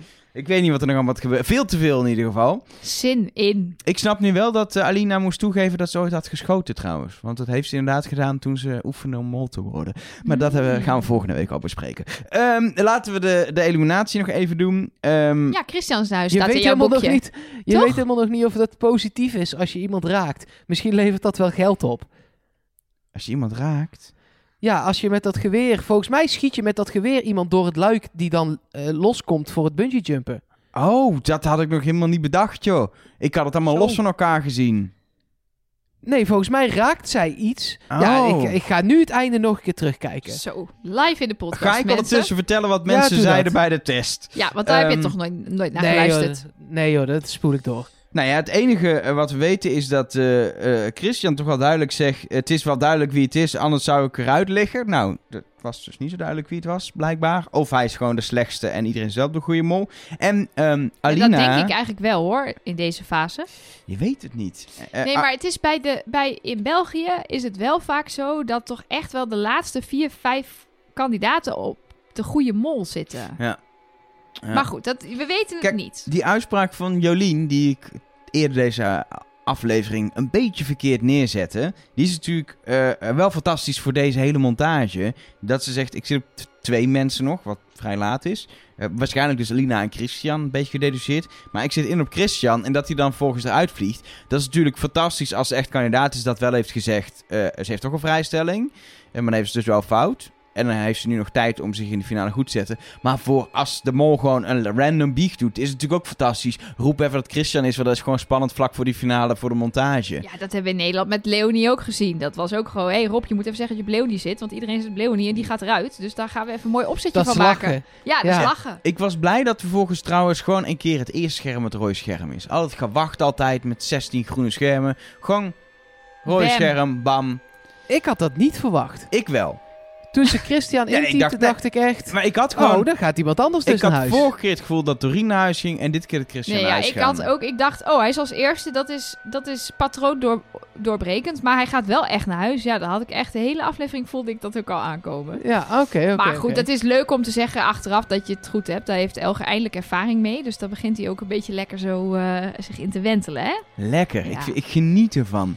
Ik is nog net niet dat ik er doorheen ga rollen. Maar er is een is- Naakt. naakt. Sexy. Oké, dankjewel. Oh nee, dat was die. Ja, opdracht we uit de vorige Mark- aflevering kunnen met dat geld. We kunnen Mark gewoon even dichtklappen, hè? Dan kunnen we even... Eh, Nee. Dus. Oké. Ehm, nee, ja, ik nog... hou je broek aan. Kom nou. Doe aan. Rits Het is audio, Kom. maakt toch niet uit. Ja, voor mij wel. Nou, Dit is niet fijn. Dit is gewoon niet fijn. Oké. Ah, Bart maakte nog wel een interessante opmerking ehm, in het napraten nadat Christian weg was. Daarin zei hij namelijk: ehm, Christian en ik zitten op dezelfde mol. En het is een kwestie geweest van één of twee vragen eh, meer goed of fout, dubbeltje op zijn kant. Ehm, maar, en hij, hij zegt dat niet letterlijk, je kunt het er niet 100% zeker uithalen. Maar wat, wat mensen ons ook stuurden, wat daar opvalt, is dat, dat hij eigenlijk helemaal niet daar de mogelijkheid meeneemt dat Alina ook nog eruit had kunnen gaan. Dus voor hem is mijn, is mijn tunnel. Hij zit daar. Jolien heeft een vrijstelling. Dat maakt niet meer uit. Alina is de mol en Christian is zijn tegenstander op dat moment. Of hij weet van alle drie dat ze op dezelfde mol zitten, namelijk Jolien. Dat kan ook nog. Ja. Ja, wil je ja, tunneltje niet in, in laten storten Ja. per se hoor. maar dan denk ik, mijn, mijn visie zou zijn dat hij dat dan op dat moment anders verwoord zou hebben. Dat hij zou zeggen, waarschijnlijk hebben we de mol in het vizier. En niet zo'n... Zo'n nu leek het echt een duel. Alsof hij echt dacht, het ging tussen ons.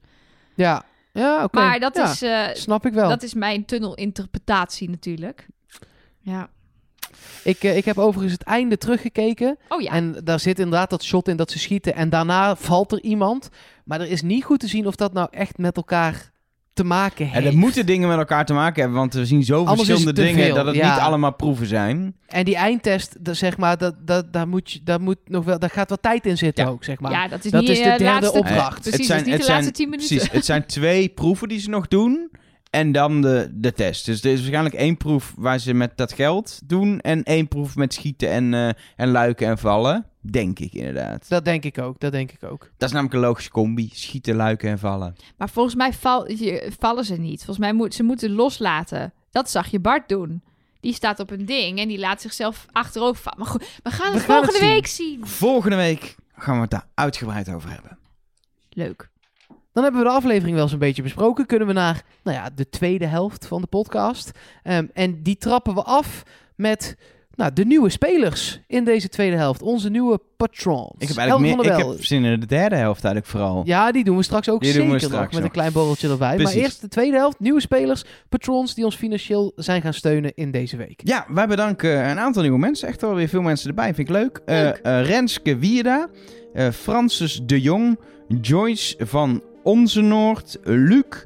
Rob Heijnen. Mirjam Meijer. Lucie Tepe.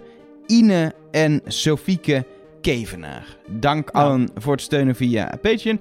En als je ons steunt, staat er een leuke inbelaflevering eh, klaar. Want we hebben afgelopen weekend een uur lang gebeld met allerlei luisteraars. Met België hebben we gebeld. Met allerlei plaatsen in Nederland. En dat was heel gezellig, volgens mij. Zeker. Je kunt eh, met, met terugwerkende kracht ook eh, alle oude extra afleveringen terugluisteren eh, via patreon.com Interview met nobody onder Gilles van Bouwel bijvoorbeeld. Om maar eens wat te noemen. Met En de, de, Koster. ook de winnaar, de Vind ik dan verliezer weer en de minder mol. interessant. Dat is van maar de presentator. Ja, jij wil gewoon niet dat Nelleke nog een keer bij hem in één hokje zit Nee, met, een, met een microfoon. Nee. je bent doodsbenauwd. Precies. Maar, Maar maar dat- dus ook eh, de, de mol, de winnaar en de verliezer eh, van vorig jaar. En dan, dan zijn dat alleen nog maar de extra afleveringen van de mol. Er staat ook nog een bak extra afleveringen van inmiddels drie seizoenen. Wie is de mol die we hebben besproken. Eh, dus je kunt echt nog vele uren aan je trekken komen eh, als je nu eh, patron bent geworden of nog, nog gaat worden. En er komt nog een af- extra aflevering bij binnenkort. Nog eentje. En er ko- komt iets heel leuks ook nog aan. Wat sneller kan dan dat samenkomen eh, wat we eh, ja, we hebben, we hebben ideeën bedacht. voor iets, Mhm. voor iets digitaal nou, samenkomen. een idee binnengekregen zelfs. Ja, maar daar gaan we wel later dan Ja, dat eh, komt later. hebben. Maar wat je voor nu in ieder geval als patron ook krijgt, is het nummer van de hotline. En daar kun je dan eh, allerlei berichtjes naartoe sturen. En het liefst dan audioberichtjes. Eh, want dan kunnen we die weer afspelen in de podcast. Yes, en het leuke van die audioberichtjes en alle berichtjes op de hotline, eh, vind ik altijd dat ik dan die aflevering kijk en dan ben ik heel zeker van eh, wat ik allemaal heb gezien. En dan krijg ik echt al, vanuit alle drie de perspectieven, ik krijg. Bart tips en hints en Alina hints. Eh, en eh, zo eh, stuurde Alissa mij uiteindelijk eh, voor eventjes een andere tunnel in. Ja, kom gezellig in de Jolien-tunnel. Maar wat ik me nog wel even tijdens het tandenpoetsen vanochtend bedacht, is dat eh Jolien die had natuurlijk gezegd dat ze Christian verdacht. Maar vervolgens ging hij naar huis en ik zag haar, ja, ze deed wel verbaasd, maar het kwam er mij echt heel geacteerd over. Ik heb het nog een keer teruggekeken en ik dacht, ja, volgens mij is ze helemaal niet verbaasd, maar speelt ze dat gewoon. Maar dat kan ook, ja, ik weet niet. Dat komt misschien ook een beetje voort uit mijn tunneltje. Ja, hebben jullie daar nog extra op gelet? Want als het waar is dat zij denkt dat Christian de Mol is, dan is dus nu, vlak voor de finale, haar mol naar huis.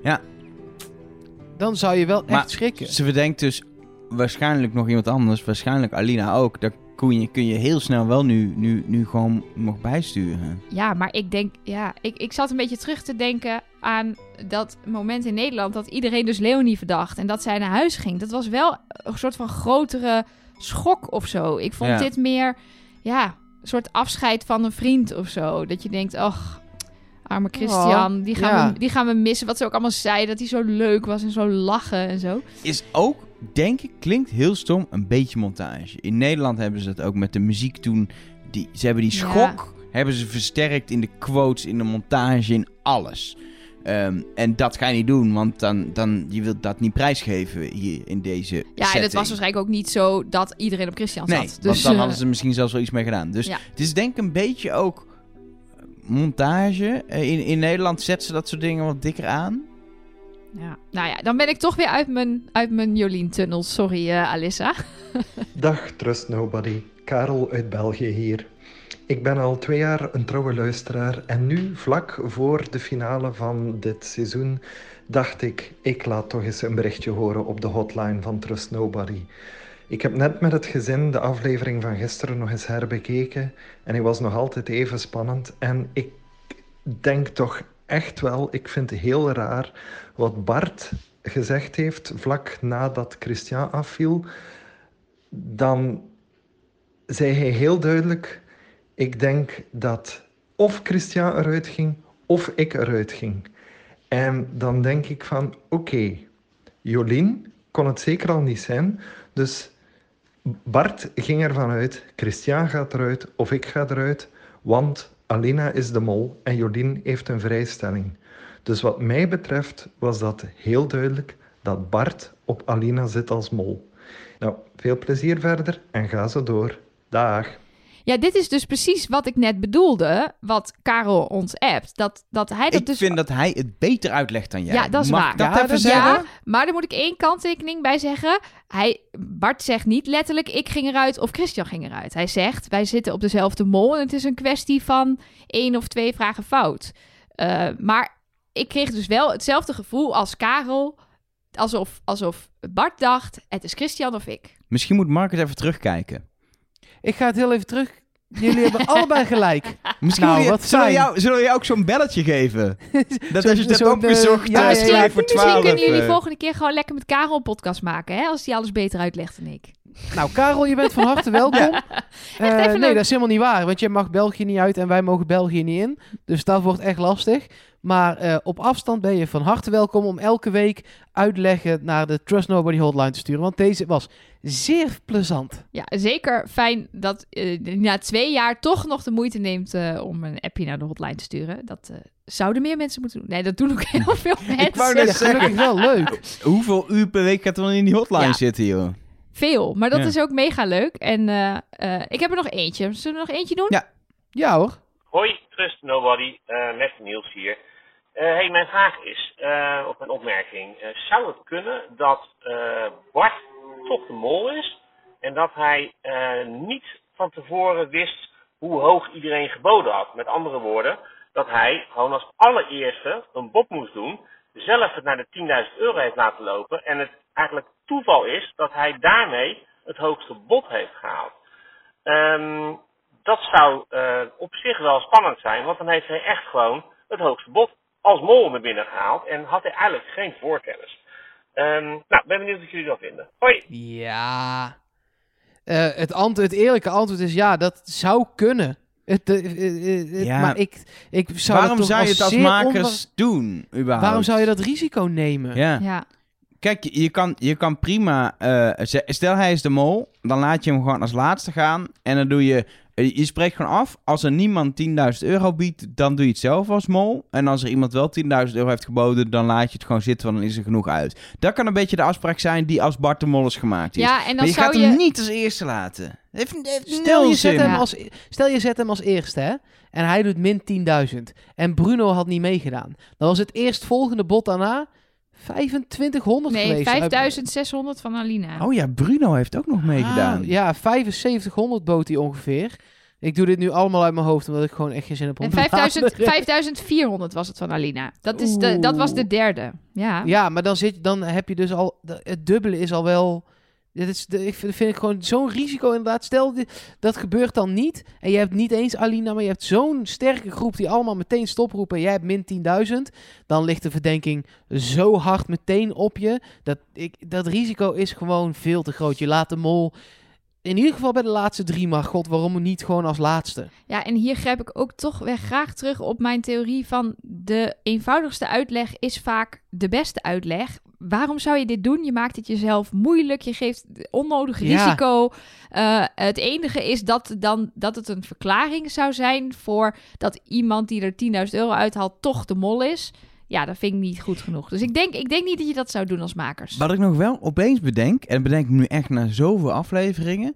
Er is, zeker als ik nou zie hoe Bart het spel speelt, als hij de mol is, dan is het natuurlijk lekker dat hij 10.000 euro eruit speelt. Maar hij zet iets neer wat hij daarna als excuus kan gebruiken voor alles wat hij doet. Want hij is vanaf dag 1 de kandidaat geweest die het letterlijk zei, ik speel om dit spel te spelen, om het spel te winnen, maar het geld boeit me niet. Dus daarna kan hij continu op allerlei momenten, zodra er een vrijstelling, een pasvraag of iets in het spel komt, de rest naaien. Zorgen dat er geen geld is, maar dat niemand iets krijgt dat hij het zelf pakt. Weet je? Ja, we hebben deze Dan kan discussie nu al ook zo een vaak deal- gevoerd. Dan kan hij ook die deal sluiten in die hangar met het parachutespringen. Dat heeft hij, hij heeft helemaal zijn, zijn manier van spelen als mol dan neergezet. Ik zit gewoon even, ik zit Ja, toch weer even... ja. Nee, nee, nee, ik, ik, ik snap je. En ik, ik, ik, ik snap de hele tactiek wel. Alleen ik zou het toch gewoon flauw vinden. Omdat, volgens mij hadden we het daar in de, in de extra eh, Patreon-aflevering over. Dus dat moeten we nog wel, eh, zal ik het nog één keer herhalen.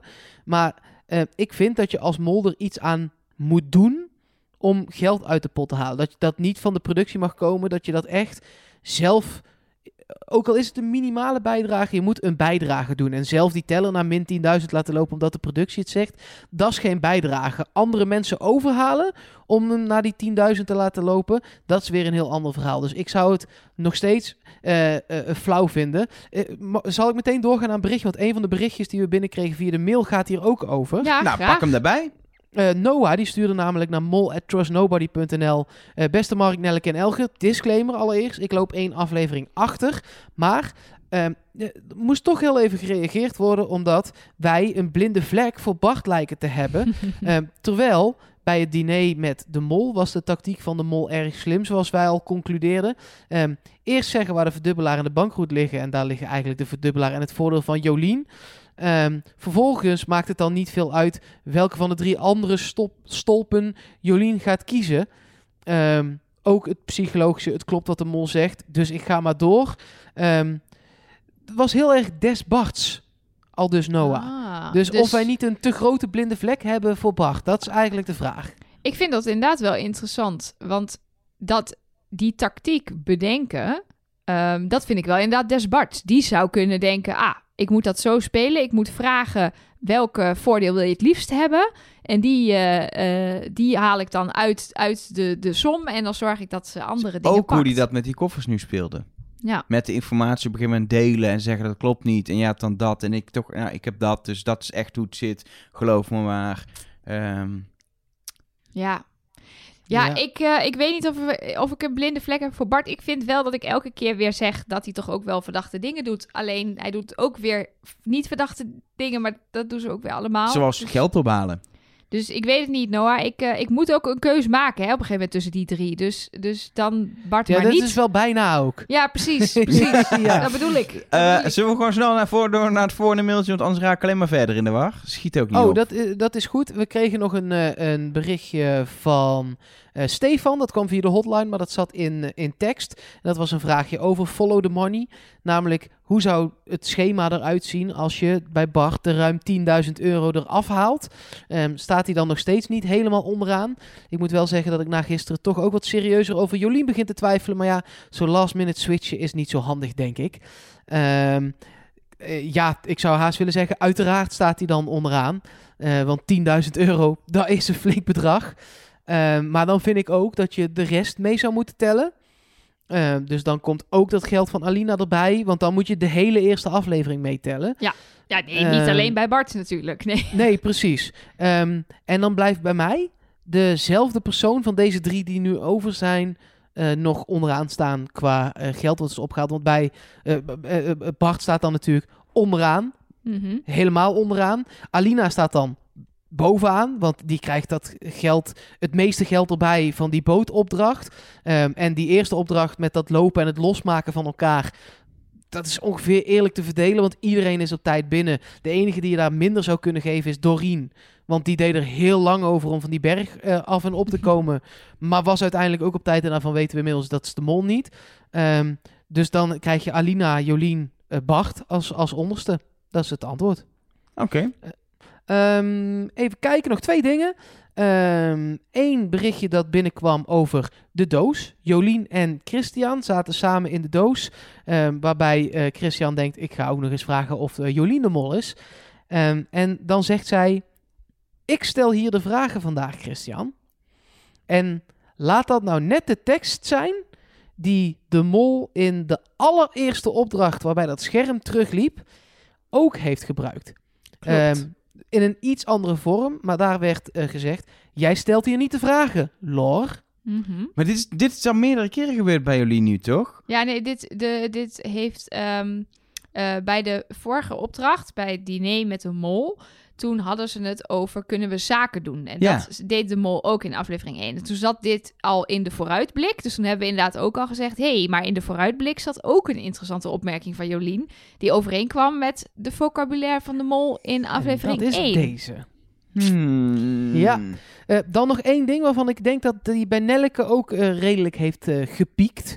Ehm, en dat gaat over de Gaat het over Gilles de. Koster? Ja, de voice-over. Ik ga hier Het gewoon overheen over praten. Gilles de Kostert. Ja, Oh, oké. Ik eh, ben klaar, hoor ik. Ehm, nee, nee, nee. Super bedankt, eh, Thijs, dat je het berichtje naar uh, mollatrustnobody.nl Nee, ik- hebt gestuurd. Maar Nelleke gaat nu je theorie keihard kapen. Nee, nee, met een hoedje op. Nee, zeker niet kapen. Maar eh, deze hebben we van alle kanten opgestuurd Nee, gekregen. zeker, zeker. Ehm, en dat is namelijk, hey, dat verhaal aan het begin over Sparta, met al die kruiken, met die afbeeldingen erop. Daar zat een prachtige Griekse stem onder, die het verhaal van Sparta vertelde. Dat klonk een beetje als Alina. En weet je wat heel opvallend is? No way. Weet je wat heel opvallend is, jongens? Dit gebeurde eigenlijk al in aflevering 3. Daar zat namelijk dezelfde Griekse dame in. Met Over het verhaal over de Mino- Minotaurus. Toen heb ik van één iemand dit gehoord. Misschien heb ik niet opgelet, maar één iemand stuurde ons toen... Goh, dat klinkt wel een beetje als Alina, of word ik nou helemaal Hebben gek? toen links laten liggen, volgens mij gewoon Ja, zelfs. toen heb ik volgens mij nog wel ergens gelezen dat iemand zei, ik weet niet meer welk forum of welke Facebookgroep het was, met ja, ik spreek een beetje Grieks en dit klinkt wel heel erg Grieks voor iemand die niet Grieks is. Nou ja, dat zegt Thijs dus ook. Eh, die zit zelf in drie gymnasium en kan daardoor een beetje Grieks. En het Grieks lijkt ook gewoon wel te kloppen. Het is niet gewoon gibberish, zeg maar. Nee, dus het, het, misschien luistert er hier iemand die goed Grieks kan. Want ik kan me niet voorstellen, ook al zal het zou best kunnen dat Alina een talenwonder is. Want eh, ze komt uit Kazachstan, ze spreekt Russisch, ze spreekt nu vloeiend eh, Vlaams. Dus dat, dat heeft wel een soort van gevoel voor taal. Maar dat je dus die tekst accentloos in kan spreken. Dat lijkt mij heel moeilijk. In een, in een taal die je, die je denk ik niet gemachtigd bent. Ik zou dat in het Engels al moeilijk vinden. Daar zou ik echt wel keihard... In Engels kan ik goed. Maar over Engels gesproken, vorig jaar, ja, eh, spoiler alert, we moeten het er gewoon heel even over hebben. Eh, dus als je niet wil weten wie de mol van vorig jaar was, moet je nu even We een kunnen minuut dit doen twee, zonder de naam van die mol te noemen. Nee, ja, maar dat- je weet het geslacht, dus dat slaat nergens Ja, op. ja, precies. Dus ik ga het gewoon zeggen, Ja. Dan- want Ja. dat eh, hoort er gewoon bij. Eh, dus komt hij aan als je het niet wil weten, vanaf nu een minuut vooruit en dan ga je het niet horen.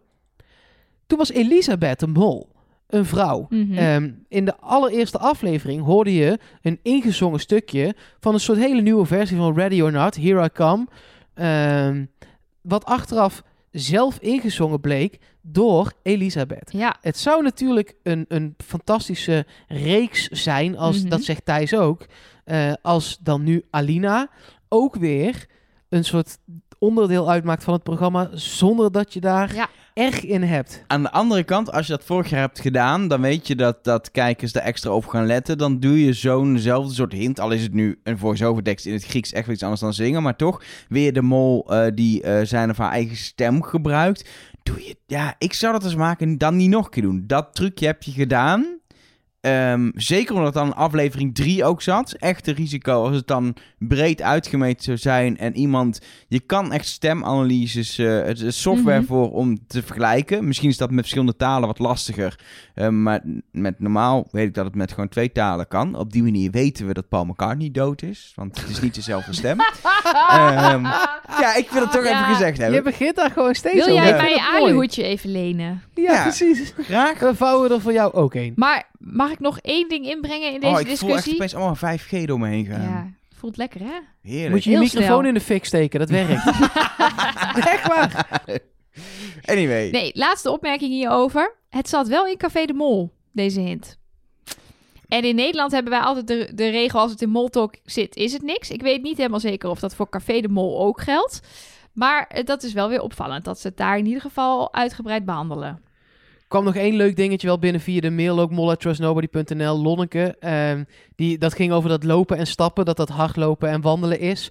En die vroeg zich daarna af of dat voor mij als Eindhovenaar eh, makkelijker dan is om te begrijpen dan voor iemand uit Twente eh, of... Nou ja, Elge, jij bent natuurlijk van origine ook een Brabander. Want zij als Zeeuwse eh, heeft eigenlijk heel weinig moeite om het te begrijpen. Omdat daar zeggen ze dat ook allemaal. En ik ik heb dus inderdaad niet zo moeite om het te volgen. Want dus Brabants hikt al de- wel meer tegen het Vlaams aan dan gewoon beschaafd ABN.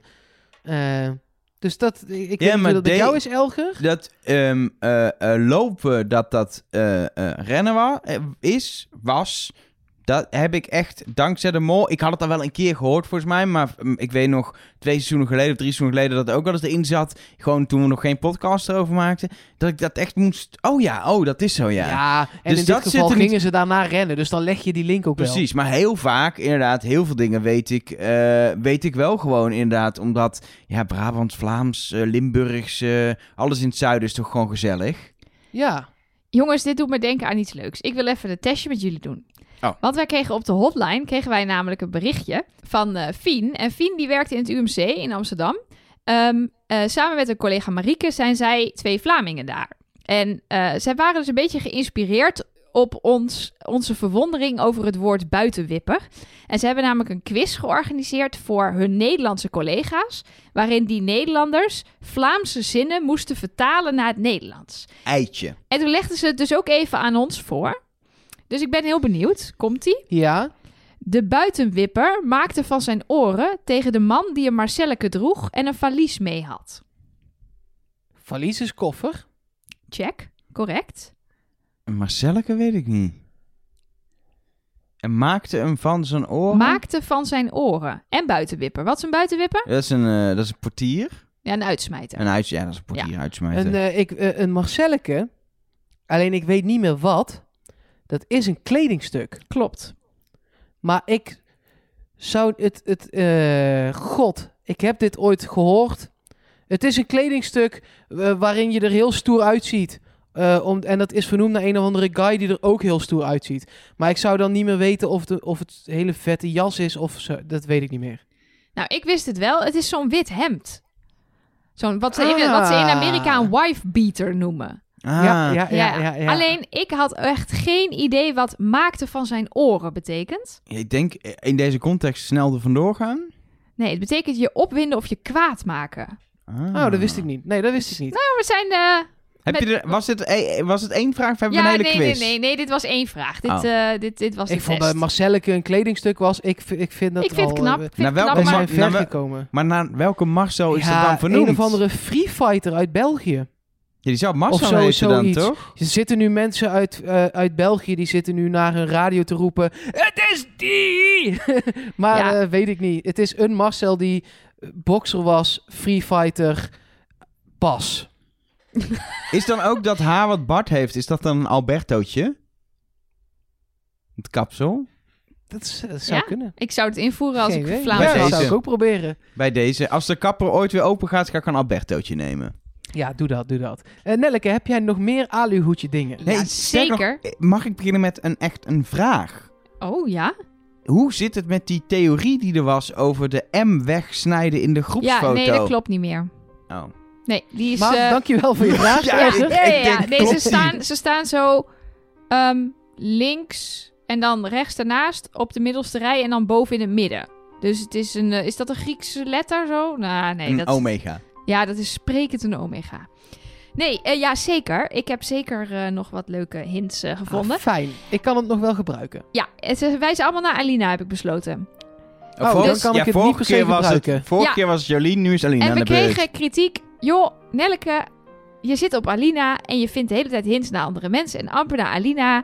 Wat ben je nou voor een aluhoedjes eh blokjes hoofd? Dit klopt, die klopt niks van. Toen dacht ik, ze heeft gelijk. Dus ik doe nu een Alina aluhoedjes Het is alsof, alsof ik hier zou zitten en zeggen... Nou, ik heb dus allemaal dingen weer gevonden dat Paul McCartney gewoon nog leeft. Dat is Ja. toch heel raar om nog dat te leeft. doen? Ja, dat zijn. denk ik wel, Ja, dat, hij nog leeft. Ja, maar dat zou gek zijn als ik dat hier ga, ga lopen uitleggen. Nee, maar ik denk toch dat Alina de, de mol is? Ja, daarom is het heel gek dat je die hiervoor... Hallo, Oh, die- moesten oh. aardiger zijn tegen elkaar. Ja. Oh ja, dat hadden we besloten. Dat Oh ja. eigenlijk- Hug it out. Hug it out. Oké. Ja, heel goed. Ja. ja. Goed, we begonnen natuurlijk al met dat de stem van Alina dan wel niet misschien onder de, onder de voice-over de was van aflevering 3 en deze aflevering. Nu blijkt ze ook nog Shield Costa te zijn. Eigenlijk is Alina. Schilderkoster, ja. Ja, nee, dat klopt. ja. Gilles de Koster is eigenlijk Alina, maar dan met een pak aan en stelte. Ja, zeker. Heb je ze ooit samen gezien in een shot? Nee, Nee, hè? nee. nee. Ja, wel. In die Oh, oude, deze wel- aflevering in de veel. auto nog. Goed.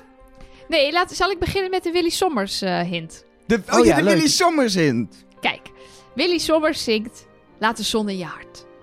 En hij zingt ook Een vogel zwevend naar het licht. Nou, dat is precies de vlag van Kazachstan. Letterlijk een zon met daaronder een vogel die zweeft en vliegt naar de zon. Maar ja, Ja, maar hebben ze daarom... Dan Willy Sommers in het dan programma kies je daarom om Willy Sommers uit te nodigen. Want je kan niet zijn liedje veranderen of zo ervoor. Dus je kiest hem dan daarop Nee, ja, uit als het een je hebt, zeg maar, je kiest Alina als mol. Dan denk je, oh, ze is Kazachs, dus ze kunnen iets met die vlag. Hoe ziet die vlag eruit? Goh, dan springt dat liedje van Willy Sommers in je hoofd. Dan denk je, nou, we moeten een opdracht met Willy Sommers doen met een BV. Dat lijkt me nou nog eens leuk. En zo komt het dan tot stand. Maar even, dus als het zeg maar, als het, ehm, als het als Bart de Mol was, dan hadden ze weet ik veel welke oude bejaarde BN'er eh, Nee, gehad, dan was- omdat hij allemaal advocaat nee, dronk. dan was Alberto langsgekomen. Oh ja. in, die, in die jas met die schaar en die kam. Jezus. Ja, Ja, ik, ik vond het wel grappig. Ik denk eigenlijk niet dat dit de hint is. Hij is gevonden door Barbara en die stuurde hem naar de mollengroep op Facebook. Maar ik vond Wel het wel vet. leuk. Wel vet dat, dat, is dan geen bekende Vlaming, maar Dolly Parton was langsgekomen bij Jolien, Jolien, Jolien, Jolien. Maar dat terzijde. Dit is op een of andere verbazingwekkende manier al de tweede keer dat je dit nummer zingt in deze podcast. Ja, omdat Jolien, Jolien, Ja. dat...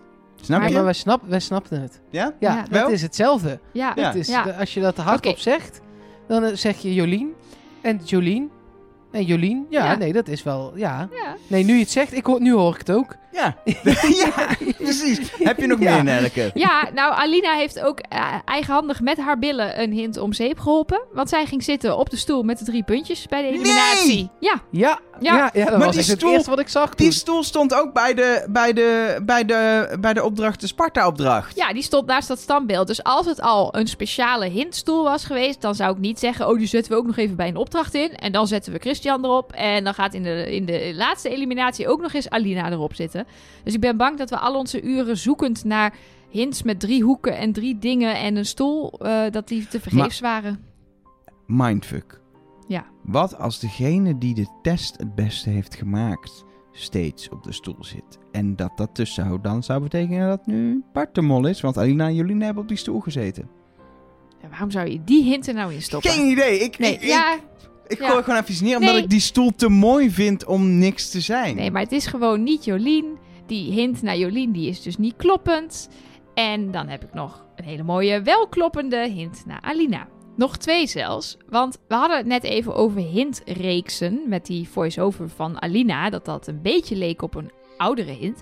Maar er zitten wel degelijk hintreeksen in de Vlaamse mol. Namelijk, er is altijd iets met, oh, de eerste die in beeld was, de eerste die het woord mol zei, de eerste die in beeld was nadat voor het eerst het mol-logo in beeld was. Dat is altijd een beetje hetzelfde type hint. Wel lastig speuren, want er zijn natuurlijk 3000 verschillende manieren om als eerste iets te doen in beeld. Eh, maar eh, Pak van het wieisdemol.com forum, die had wel een interessante analyse. Namelijk, als je kijkt naar de eerste aflevering, en dan dus de, niet het hele gedoe in Vilvoorde, maar gewoon, bam, we gaan naar Griekenland, en heb je daar die beelden dat, ze, dat die Meteora-bergen af, nou ja, dat er een drone die Meteora-bergen aftuimelt, niet de kandidaten gelukkig. Ehm, en dat daar ehm, is eigenlijk het eerste wat je hoort een bel. En in die aflevering luidt Alina de bel. Dus het zou een soort hele subtiele. Je hoorde daar al. Je wist daar al. eh, waar de bel luidde. Weet, nou ja. Ik ben niet Hij zegt, overtuigd. hij zegt het zelf. Het zit in mijn tunnel, maar ik ben niet overtuigd. Oké. Hij Ze deed Sorry. ook trouwens de klokkenopdracht hè, op die berg. Dat ook nog. Oké, ja. Ook nog. Ja. Ja, precies. Ja. Ja. Ja, Ik Ja. dacht- haalt mij niet uit mijn tunnel per se. Oké. Nee. Ja, ik dacht- mij versterkt hij mijn tunnel ook niet. Oké, nou dan kom ik nu met een klapper. Oh, ik ga even goed zitten. Ah, Komt-ie. Paul McCartney leeft. Vertel maar. Ja. Weet je nog dat we die af... af John Af- Lennon is dood. Ga je Nee. dat nou vertellen? nee. Nee. Echt? Ja. Stel, Nou. stel het je eens voor. Oh. Snap je Imagine? Stel het je voor. Ja, heb je hem? Ja? Ja? Timing moet ik nog even aan werken, maar was best leuk. Eh, ja, Nelleke. terwijl eh, wij zijn ook maar gewoon eh, gewone mensen. Ja, precies. Oh, wacht, dat is John Legend. Wacht, nee, sorry. Nee, nee, dat is weer, dat is heel iemand anders. Nee, sorry. Nee, nee, Ordinary People is, is niet van John Lennon. Nee, sorry. Sorry.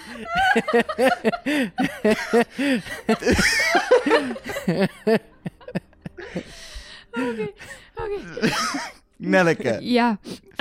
Komt-ie. Ehm, echt? Gaat het zelfs? Ja, ik vond- deze grap was wel echt een legende gewoon. Ja, mooi. Ah, sorry. Sorry. Nelke gaat door. Ik wil ook een grapje maken, maar ik ken geen enkel liedje van John Legend. dus ik heb geen idee hoe ik En ook niet van John Lennon. Ook al nee, niet. ook niet. Nee, jawel, daar ken ik wel van. Goed. Afleveringstitels. Weten jullie nog dat er een hele mooie Alina-hint was naar afleveringstitels? Ja, letter 1, letter 2, letter 3, letter Ja. 4 en dat werd niks. De, precies. Maar dan nam je die tekst die in beeld was. Dus bijvoorbeeld bij deze aflevering zou dat dat hele lange verhaal zijn over dat schild van Sparta. Dat je daarmee je, je, je, je, je medesoldaat beschermt. Ja. Dat je die nooit moet verliezen. Precies. Eh, maar Ellen Foods, die heeft op wieisdemol.be forum, dat is weer een andere forum dan wieisdemol.com forum, ehm, die heeft daar gedacht, ja, daar zit misschien wel wat in, maar misschien moeten we niet die tekst nemen die in beeld is, want dat is niet echt een titel, dat is meer een soort spreuk of een soort ondertitel. Wat nou als je kijkt naar wat er op die bordjes staat? Want je ziet steeds die bordjes zo voorbij schuiven. Ja, ja, ja. Dus er Ja. staat, er staat eh, de dood van Pandora stond op het bordje en, eh, en er stonden Ja. deze keer mannen met schilden op. Nou ja, ik ga even ze allemaal af, want het is wel belangrijk voor de hint. Op het eerste bordje stond een alfa-teken. Op het tweede bordje stond Pandora. Er staat een, een vrouw met, ha- met haar doos in de oh, hand. dat, dus, is, ja, ja, dat ja. is het, ja. Op het derde bordje zie je de Minotaurus. Op het vierde bordje de Acropolis. Op het vijfde bordje zie je Apollo. Dat was de, de, de god van de, van de kunst en de muziek. En zo, die zie je daar met zijn harp, luid, unit. Weet ik veel hoe die oude instrumenten heten. Dan zie je Olympia, de, de Olympische sporten, de discuswerper. En van deze aflevering zag je drie soldaten met drie schilden. En op die schilden, daar staat het Griekse teken lambda. Maar op, die staat er dus drie keer op. En zij heeft in deze hint dan dus per bordje dus een soort titel gegeven aan de aflevering. Dus Alpha, Pandora, Minotaurus, Acropolis, Apollo, Olympia en Lambda, Lambda, Lambda. En dan heb je nog die laatste. Omega. Daar staat Omega op. Ehm, als je nou van al die titels wel weer de eerste letter van de eerste aflevering, de tweede letter, blablabla, dan kom je uiteindelijk aan voldoende letters om alsnog, en de juiste letters, om Alina Mol te maken. Enige nadeel is dat het niet lukt met die omega aan het einde, maar wel als je er alfa en omega van maakt. Maar Ja, ja, maar ja. nee, nee, dan is Nee, het niet. dan nee. is het niet. Nee. Nee, ah, dan moet gewoon Omega, dat is te veel. En, en wat nou als er omega omega gaat staan? Twee eindtekens. O-M- O-M-E-G-A-O-M. Nee, dat, lek- dat werkt niet volgens mij. 1, 2, Nee, maar 3, dan- 4, 5, dan- 6, 7. Nee, dan kom je op een E. Nee, so, ja, sorry, nee, ja, dan valt die voor mij wel af. Ah! Shit. nee, ik vond ik, wel mooi. ik ben ook niet overtuigd. Oké. Sorry. Ja, nou, laten we dit allemaal heel even vier seconden berusten. Ja, ben je bijgekomen? Ik ben bijgekomen, ja. Gelukkig. Want dan gaan we toch naar die ene vraag. En eh, tegenwoordig, ja, hij is toch echt veranderd, zien we in de vooruitblik. Het gaat om die ene vraag die in Nederland al twintig jaar lang wordt gesteld. Wie is de mol? Nou ja, volgens mij eh, is er niks veranderd. bij- Is er iemand veranderd? Ja, ik, ik, eh, eh, ik ga geen andere naam noemen. Ehm, maar het zou me net zo min verbazen. ik, dus Jolien. Ehm, maar het zou me net zo min verbazen als het Alina was. Eh, het is echt 51, 49. En misschien zelfs wel 50-50. Maar even, heb- jongens, als het Bart is. Wat doen we dan, Dan met zitten, we er, nou, dan zitten we er heel goed naast. Ja, ik zou daar dus vrede mee hebben. Maar ik weet niet hoe jullie daarover denken. Ik vind, Ik zou de beginactie nog steeds heel flauw vinden. Maar gewoon met dit seizoen heb ik sowieso vrede. Maar ik vind wel dat we dan zo slecht zijn dat we eigenlijk voor volgend seizoen gewoon drie Belgen moeten vinden die het overnemen. Die moeten we in ieder geval af en toe om advies kunnen vragen. Nou, Een soort zoiets. Ja, comité. precies. Een soort, soort, inderdaad een soort raad van toezicht. Dan moeten we wel maatregelen gaan nemen als het Bart is. Ja, nee, zeker. Ja, jij mag ook wel Bart zeggen, gewoon voor de zekerheid. Nee, ik blijf bij Aline, want ik heb het goed. Ja, en ik, ja, heb, dat zou zomaar kunnen. ik ben niet zo zeker. Ik blijf ook bij Alina, omdat ik denk, ja, ik zeg nu al wekenlang Alina. En dan ga ik niet voor het einde zeggen, oh, het is misschien toch Jolien. Eh, maar ik zit inderdaad een beetje hetzelfde bij jou eh, als jij, Mark. Het, het, het, het kan al beide kanten op, maar ik neig net iets meer naar Alina. En ik denk nog steeds dat Bart het niet is. Maar zoals ik zei, ik, eh, ik ben heel benieuwd als hij het wel is. Dan ben ik heel benieuwd naar de laatste aflevering. Dat we gaan zien hoe die. Of die inderdaad, wat jij net zei, Elge. Als hij dan inderdaad dat spel zo bewust heeft gespeeld. Met ik haal dat geld uit de pot. En daarna kan ik alles maken. Want ben ik die kandidaat die niet om geld geeft. Ja, dat is ook wel weer een slimme en vooral heel brutale tactiek. Ja, en, de, en eentje die we dan in de komende tijd niet meer zo vaak kunnen zien, ben ik bang. Nee, Nee. dan kan je niet nog een keer flikken, denk ik. Nee, nee. Maar eh, eh, tuurlijk, dat zou heel vet zijn. Kijk, weet je wat het is als, als je naar de, de eh, Follow the Money eh, kijkt? Dan eh, voor deze aflevering, dan stond Alina op 2360. Eh, Jolien stond op 2940. Ehm, nu eh, heb ik bij die eerste opdracht Bart en Jolien allebei 800 gegeven. Eh, want zij hebben wel het meeste renwerk gedaan. En Alina 400, omdat zij wel niet geraakt is. Weet je hoeveel het dan tussen die twee scheelt als je dat, als je dat verschil optelt? Ik heb even niet zo snel meegerekend, maar het zal niet veel zijn. Ja, het, het scheelt. Ik, moet ik moet het nog optellen, maar eh, dat gaat echt 300, 400 euro. Misschien 500 euro gaat het verschillen Ja. in het voordeel van Jolien. Op een pot van Ja. 22.000 Precies. euro. Dat is gewoon echt verdamde weinig. Ja. Ja. Het mooie is, over een week is er een nieuwe aflevering van Trust Nobody.